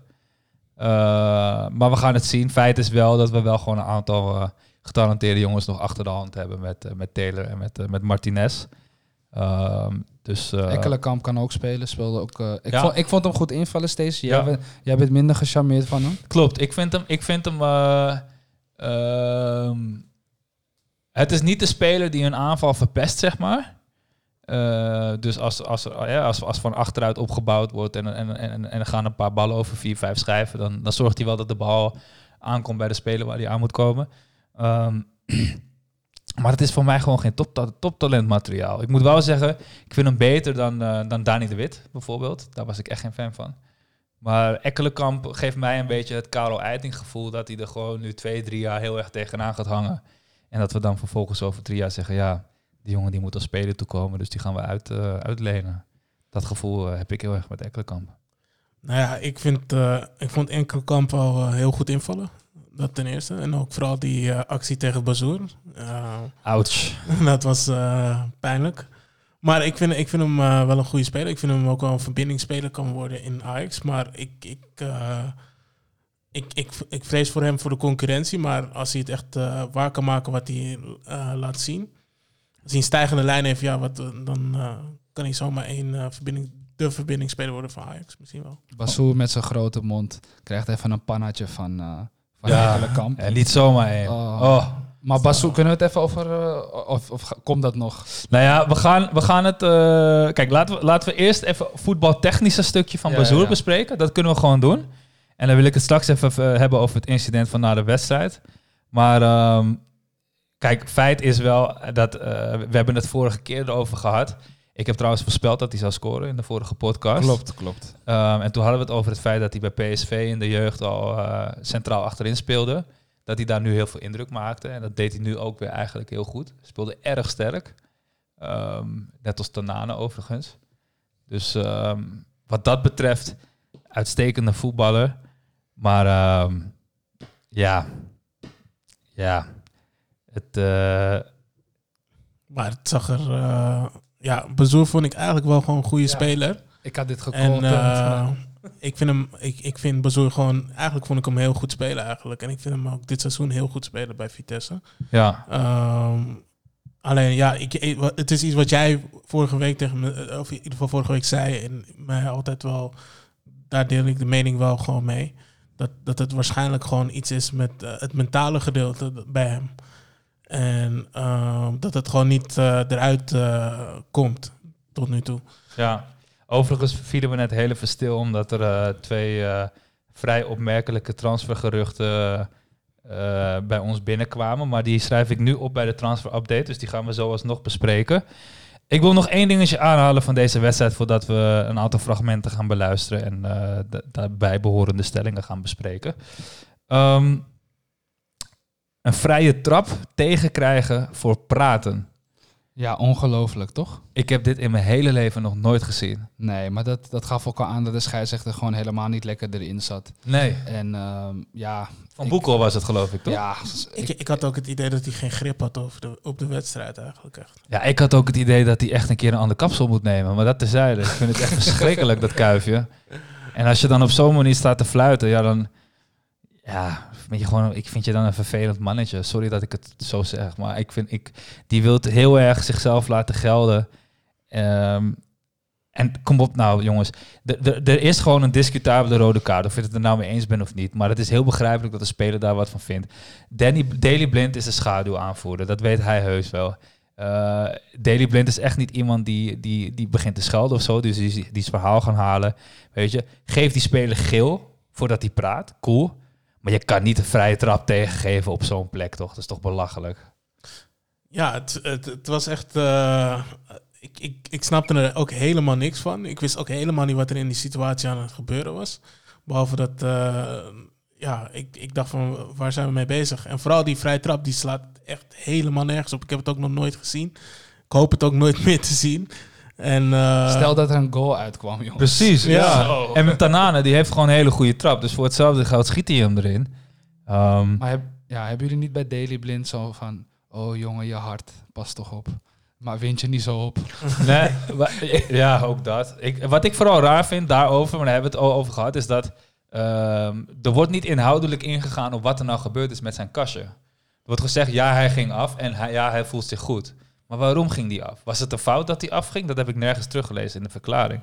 Dus ik weet nou niet eigenlijk wat en of er risico's zijn bij, bij, bij het feit dat hij speelt. Ja, ik, ik merk bij Ajax dat ze heel erg schuilen achter die AVG-wetgeving. Ja, klopt, ja. Ja. Want over Gravenberg deden ze ook heel mysterieus. Maar Ja. ja, hij had corona waarschijnlijk. Ja. Ehm, en ook met Daly, ja, ze, ze kunnen ervoor kiezen om gewoon niks te vertellen erover.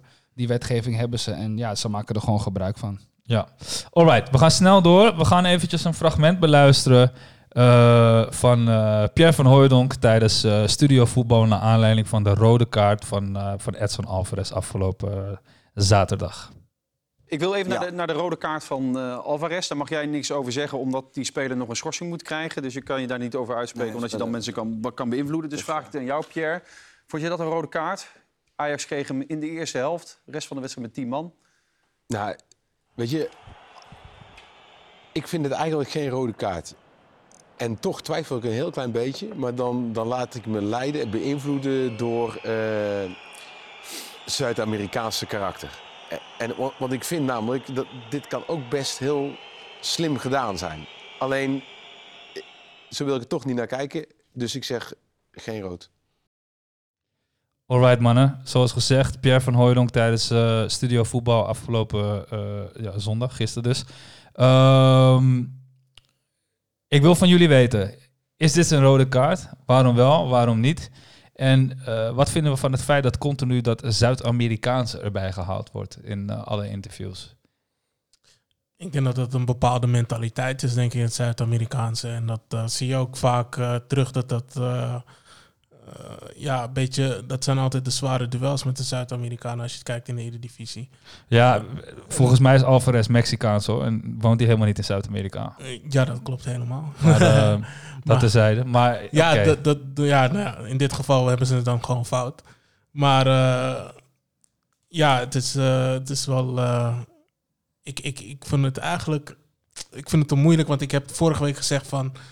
Ik, dat ik bij AZ, dat ik Stenks wel rood vind. ja, En ja, dan moet ik gewoon ook steeds aan dat het eigenlijk ook wel Ja, rood is. ik snap maar het. ik moet wel zeggen, je kan er rood voor geven.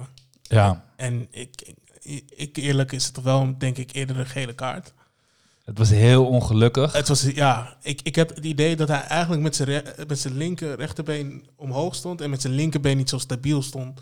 Waardoor hij op hem ging staan, maar dat het niet echt de bedoeling was eigenlijk. Ja, ik heb ook het gevoel dat toen hij eenmaal zijn been op hem neerzette, dat hij niet vol zijn gewicht doordrukte, maar best wel snel zijn been alweer eraf haalde ehm, in die situatie. Maar goed, dat, dat kan je niet zien op de camera. Dus ik ben benieuwd naar jouw mening, Cassief. Wat, eh, wat vind jij ervan? Ja, kijk, ik ben sowieso geen fan van Alvarez. Ehm, en ik denk dat, dat zijn lompheid kwam gewoon heel mooi naar voren in, eh, in dit duel. Hij eh, ja, tikt de bal weg en in zijn lompheid staat hij vol met zijn noppen op die andere gassen enkel. Eh, herstelt hij het daarna wel. Eh, maar ik denk oprecht niet dat het opzettelijk was. Je ziet ook, de bal lag op dat been waar hij op stond. Ja, Hij tikt hem weg en vervolgens tijdens het wegtikken ja, landt zijn voet op zijn voet. Ja, ja, dat kan gewoon gebeuren. En ja, met de VAR, en ja, er zal heel veel gebeuren dit weekend. Maar het- ze moeten ophouden met echt op zoek gaan de hele tijd naar dingen om, om te bestraffen. ja. Ehm, dus ja, ik, ik, vond het onterecht. Ik denk dat het gewoon Alvarez zijn eh, zo'n lompheid was. Zo'n onbehouwenheid. Ja, het wordt ook, het, het, er komen echt steeds meer, eh meer VAR-momenten. Ik ben overigens, eh, ik vond het geen rode kaart, maar ik denk dat ik dan door mijn Ajax-bril kijk. Maar ik heb echt het gevoel dat het per ongeluk was. Ik heb ook het gevoel dat hij niet doorstapte, dus dat het best wel meeviel. Ehm, maar eerlijk is eerlijk, je kan hem geven. En aangezien de VAR op zoek gaat naar die momenten, snap ik dat die, dat die gegeven is. Dus, van, eh, van Basten zei het al, volgens mij bij Rondo ook al, dat het gewoon, eigenlijk moeten we stoppen met deze mierenneukerij, gewoon eigenlijk. Wat ironie is, want Van Basten was volgens mij, voordat de VAR werd ingevoerd, een van de grootste voorstanders van, eh van. Van het idee, zeg maar. Niet hoe het Ja. in uitvoering wordt gebracht op Nee, moment, Ja. denk ik. Oké, Oké, boys. Tweede stelling, tweede fragment. Eh, dit is een fragment uit de Bord op Schoot podcast van de jongens van FC Afkikken. Dit is een van de podcasts over voetbal die ik het meest beluister. Ze zijn er inmiddels bijna elke dag, dus eh, ga vooral hun podcast checken. Maar voor nu eh, een fragment. En dat gaat over eh Bazoer. Ja, Bazoer genoot er ook wel van, hè? Ja. Die wilde zich heel graag laten zien, hè? Maar kunnen we alsjeblieft kappen met de hele tijd zeiken en een mening hebben over spelers die juichen tegen hun eigen club? Ja, je ziet vaak dat spelers, wanneer ze scoren tegen een oude club, dat ze dan juist eh, heel ingetogen juichen. Eh Bazoer die denkt daar iets anders over. Die, eh, die is duidelijk eh, extra blij als hij tegen Ajax scoort. Dat zag je deze, deze wedstrijd, maar ook vorig jaar toen hij scoorde. Eh, wat vinden jullie daarvan? Ja, ik heb echt net on the spot heb ik een metafoor eh, gevonden hiervoor. Ik ben benieuwd. Ehm, en dat bedweterige mannetje dat net aan het einde kwam van die podcast, die, die moet gewoon even rustig aan doen. Kijk, je moet, het, je moet het zo zien. Je moet het zo zien. Je, je hebt meerdere relaties in je leven. En ehm, je bent daar gewoon helemaal happy mee als je met een bepaald meisje bent of een bepaalde jongen bent. Eh, ben je, zit je helemaal lekker in je relatie, ben je happy. Soms ga je goed uit elkaar, soms ga je slecht uit elkaar. Om wat voor reden dan ook. Maar stel dat je met je vriendinnetje, je nieuwe vriendin, ben je ergens in de stad en je komt je ex tegen, ga je toch ook niet in een gezicht lopen tongen. Zo zie ik het. Beetje respectvol naar je, je, je vroegere dienstverband of relatie toe. Je mag happy zijn in je relatie, je mag, je mag juichen. Maar Basoer was echt op zoek, naar mannetje trouwens, als ik dat even zo mag zeggen, hoe die zich profileerde. Ehm, dus ja, dat, dat, dat is het metafoor wat ik gevonden heb. Ja, dus. en ik vind dit echt een prachtig metafoor. Wauw, wauw, wauw. Ja, ik, eh, ik kan niet anders dan het hier, eh, hiermee eens zijn. En ik moet wel zeggen dat je hebt spelers die, die... Je hebt oprechte blijdschap en je hebt provocerende blijdschap. En bij Bazoer is het heel erg provocerend. En, en dat is toch wel wat denk ik ook de reden is. Dat ondanks dat hij 23 is en dat hij al een heel voetballeven achter de rug heeft... dat hij uiteindelijk toch niet die topspeler gaat worden. Die hij nog steeds kan worden, hè, voor de duidelijkheid. Alleen, Ja, hij is heel, is heel talentvol, maar er zijn heel veel talentvolle voetballers geweest. ja, Ehm, die het niet geworden zijn. Precies. Dus uh, nou ja, ik, ik, ik vond hem altijd een hele mooie voetballer. Ik was oprecht fan van hem en dat ben ik nog steeds wel een beetje. Maar zijn gedrag, uh, dat vind ik gewoon heel jammer. En Ja. niet, niet iedereen hoeft, uh, net als Davy Klaassen, heel netjes in line te lopen. Uh, dus er mag best wel wat, wat karakter tussen zitten. Maar ik vind bij hem dat hij een beetje... Het ligt nooit aan hem. Het ligt altijd aan iemand anders. En Ja. op een gegeven moment moet je daar een beetje overheen, man. Ja. Hoe, uh, hoe kijk jij daarnaar, Jelani? Ja, ik uh, vond het uh, ook wel jammer ja, om te zien, terug te zien. Maar ik vind hem nog steeds een geweldige voetballer. Ik vind dat hij heel veel potentie heeft. En ik denk nog steeds dat hij kan uitgroeien tot een van de smaakmakers van de Eredivisie. Maar om even over, op de stelling terug te komen. Vind jij dat dat juichen tegen je eigen club, zoals Bazoer dat doet, dat, dat dat niet kan? Is dat not done? Of heeft dit gewoon te maken met het feit dat wij inmiddels als Ajax-supporter ook gewoon iets tegen Bazoer hebben? Nou ja, ik ga niet zeggen dat het not done is, maar ik vond het wel jammer, zou ik, zo, zou ik het zo zeggen. En ik vond het ook jammer om te zien. Maar uh, ik denk dat zijn band met Ajax gewoon uh, echt uitgegroeid is tot een uh, misschien wel een haat-liefde. Ja. Haat, ja, misschien meer haat dan liefde relatie. Ja. Want uh, ja, hij is toch wel bedankt uh, tijdens zijn. Uh, Hij is vriendelijk bedankt. ja, vriendelijk bedankt om uh, weg te gaan. En uh, wa- waarschijnlijk doet dat hem nog pijn. En dat, uh, dat uh, kan ik ook goed begrijpen. En uiteindelijk staat hij achterin bij Vitesse. Een positie waar hij niet wilde spelen eigenlijk. Ja. Daarom ging hij naar Ja. Ajax. Dus ja, kom op man. Ja, zo kom je toch op de plek waar je, waar je het best rendeert, waarvan je zelf eigenlijk vond dat je daar niet hoorde te spelen. Bescheidenheid siert de mens. Ja. Alright, Ehm, dan gaan we naar het laatste fragment. Dit is een eh, fragment uit dezelfde podcast, dus ik ga niet weer eh, reclame voor ze maken. Eh, maar die zeiden iets wat ik eh, erg interessant vind, wat ik ook al in de media terug hoorde komen door middel van de uitspraak van Valentijn Driessen. Eh, laten we eerst even naar het fragment gaan en dan gaan we de stelling weer bespreken. Eigenlijk wil ik dat niet zeggen, want uh, Ziyech die heeft echt, echt heel veel betekend voor Ajax en Tony van de Beek, ook in het Champions League seizoen. Maar Anthony en Kudus, die maakt het me wel verdomd makkelijk om die twee te vergeten. Ja, en nu is de stelling eigenlijk al voor de hand liggend. Kudus en Anthony doen nu al Van de Beek en Ziyech vergeten. Jelani. Nou ja, ik uh, moet eerlijk zeggen dat ik uh, Donny echt een geweldige speler vind. Maar uh, hoe zij invallen en hoe zij spelen de afgelopen tijd, moet ik het wel deels mee eens zijn eigenlijk. En ik voornamelijk Anthony um, is gaan uitgroeien op 20-jarige leeftijd tot een beslissende speler in het elftal. En je merkt het ook wel aan de pages dat iedereen gewoon ook Anthony probeert te zoeken. Ja. En um, ja, hij. Vroeger zagen we eigenlijk het leven echt heel somber in als Ziyech weg zou vertrekken. ja. nu, nu, nu, is hij weg. En hebben we eigenlijk gewoon een geweldige speler teruggehaald ervoor. Ja. En uh, ja, ik eerlijk gezegd. Uh, ja, ik vond, ik vond het eigenlijk niet zo gek eigenlijk. Ik uh, ben het er wel redelijk mee eens, ja. Alright, hoe kijk jij dan, Cassief? Nou, ik ben meestal degene met, uh, met de gewaagde uitspraken altijd. Ja. Maar uh, ik ben het er deels mee eens. Ik vind het een beetje opportunistisch, maar ik ben het er Ja. deels mee eens. ja. Uh, Anthony is echt, je ziet aan alles dat het echt een topper gaat worden. Ik hoop niet dat het een Davison Sanchezje gaat worden. Dat hij na één jaar al, al weg is voor 40, 50 miljoen. Maar bij hem zie ik inderdaad wel dat hij misschien nog zelfs beter dan Ziyech kan worden.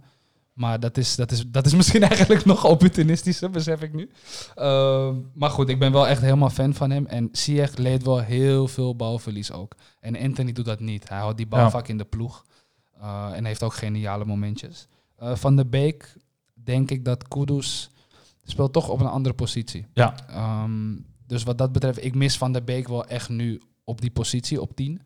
Uh, is gewoon een klasse speler, mooie transfer gemaakt. Uh, dus daarom deels. Uh, maar Ja. Kudus is echt, uh, ja, ik ben, ik ben ook echt enorm fan van hem.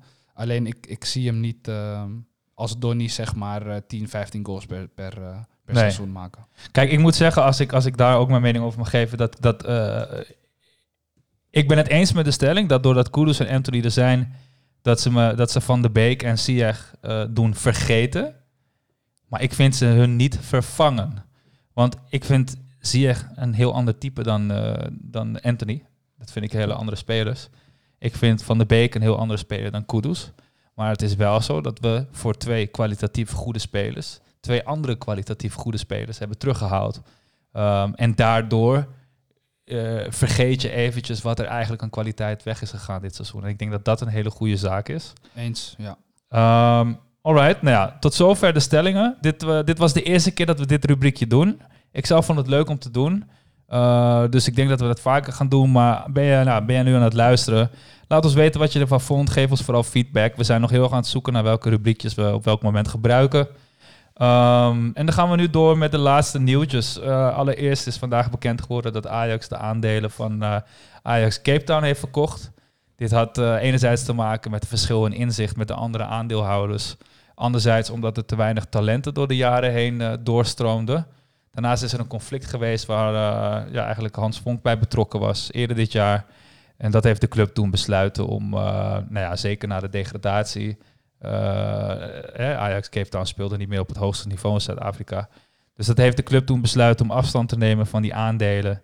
En die aandelen die zijn verkocht. De levering gaat nog plaatsvinden. Um, dan de transfer update. Nou, het was eigenlijk al een beetje bekend, maar uh, Des die gaat dus weg. Die gaat naar Barcelona.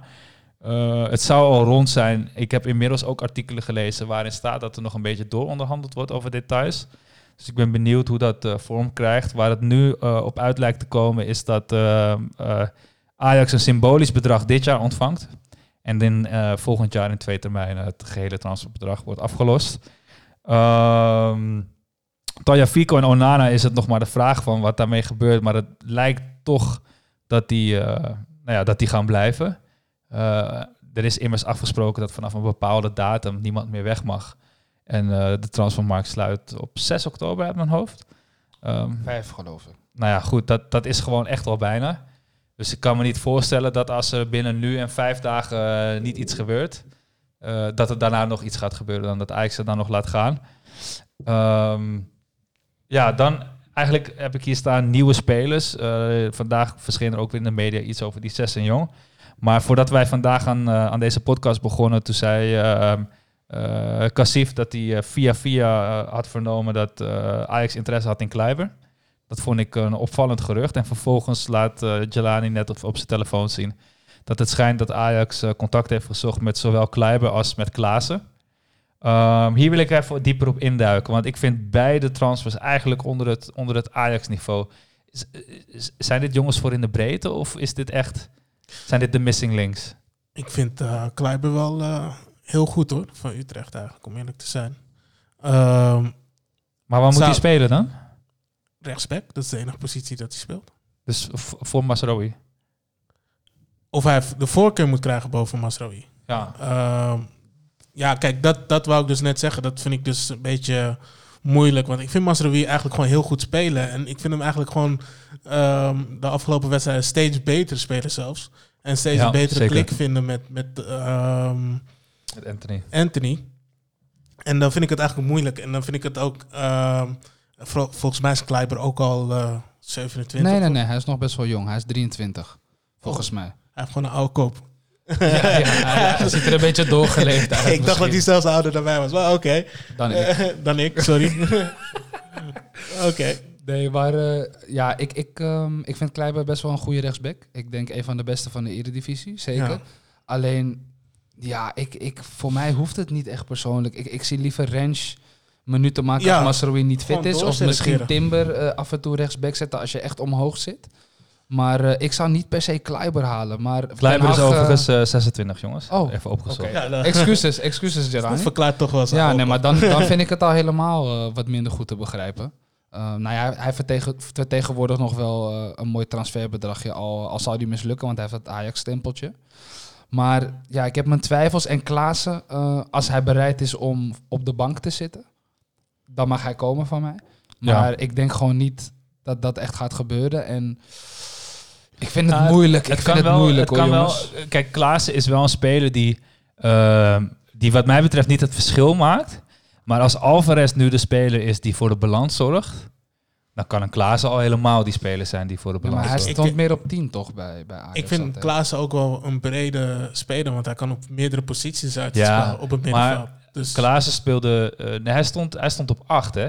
Ziyech stond op 10 toen. In dat jaar van, eh, van de Europa League finale speelde Ziyech op 10, speelde Klaassen op 8 en Schöne speelde daarachter.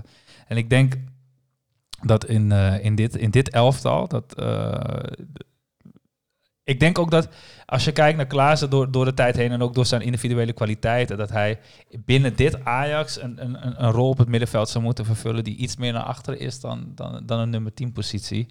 Ehm, dus als hij gehaald wordt, denk ik dat hij voor een van de twee zes posities zoals nu gespeeld wordt, gehaald wordt. Ehm, zonder eh, uitspraken te doen of het dan voor de basis is. Maar ik denk wel dat er in een bepaalde opstelling, dus enerzijds met Kudus misschien daarnaast en, en dan Klaassen, of anderzijds een, eh, een, Martinez en Klaassen of een, of een Gravenberg met Kudus. Nou, noem het allemaal op. Maar er gaat op een gegeven moment een puzzelstukje in elkaar vallen. En het zou me niets verbazen als, als Klaassen een onderdeel zou kunnen zijn van die puzzel. Ja, het- het, is ook misschien omdat het middenveld over het algemeen, als je, al, als je Promes niet meerekent, toch best wel jong is. Ja. Kudus, Gravenberg, Alvarez, Martinez zijn allemaal eh, best wel jong, tussen de 18 en de 22. Dus ik kan me voorstellen dat er in die linie misschien eh, een wat ervaren speler bij zou kunnen. Ja. Ehm, ja, ik, ik, ik ga wel mee in je verhaal, Stacey. En ik, ik hoop het ook. Alleen, ja, trek dan nog 10 miljoen extra eruit. eh, want ik neem aan dat Klaassen ja, misschien een miljoentje of 10 zal kosten. Dus even een eerste aanname. Ja, Eh, maar tussen de 10 en een 14. Matthäus eh, Henrique, eh, Ja. 22 van Gremio, waar, waar ook Ajax vaak mee in verband wordt gebracht. Trek dan gewoon de portemonnee en haal zo'n zo'n jongen terug. Die vertegenwoordigt ook nog een transferwaarde daarna. Ja. Ehm, maar goed, ik weet Kijk- niet op welke manier Ajax geraakt is door corona natuurlijk. Ja, kijk, ik, ik moet zeggen, eh, Van de Beek is weg, Eiting is weg, Marien is weg. Dus ik snap heel erg dat, dat ze die extra middenvelden willen. En ik denk dat, eh, dat, dat ze juist ook, ehm, omdat er zoveel spelers weg zijn en er ook toch wel best wel wat spelers zijn, eh, dat ze misschien wel een speler willen hebben die op meerdere posities kan spelen.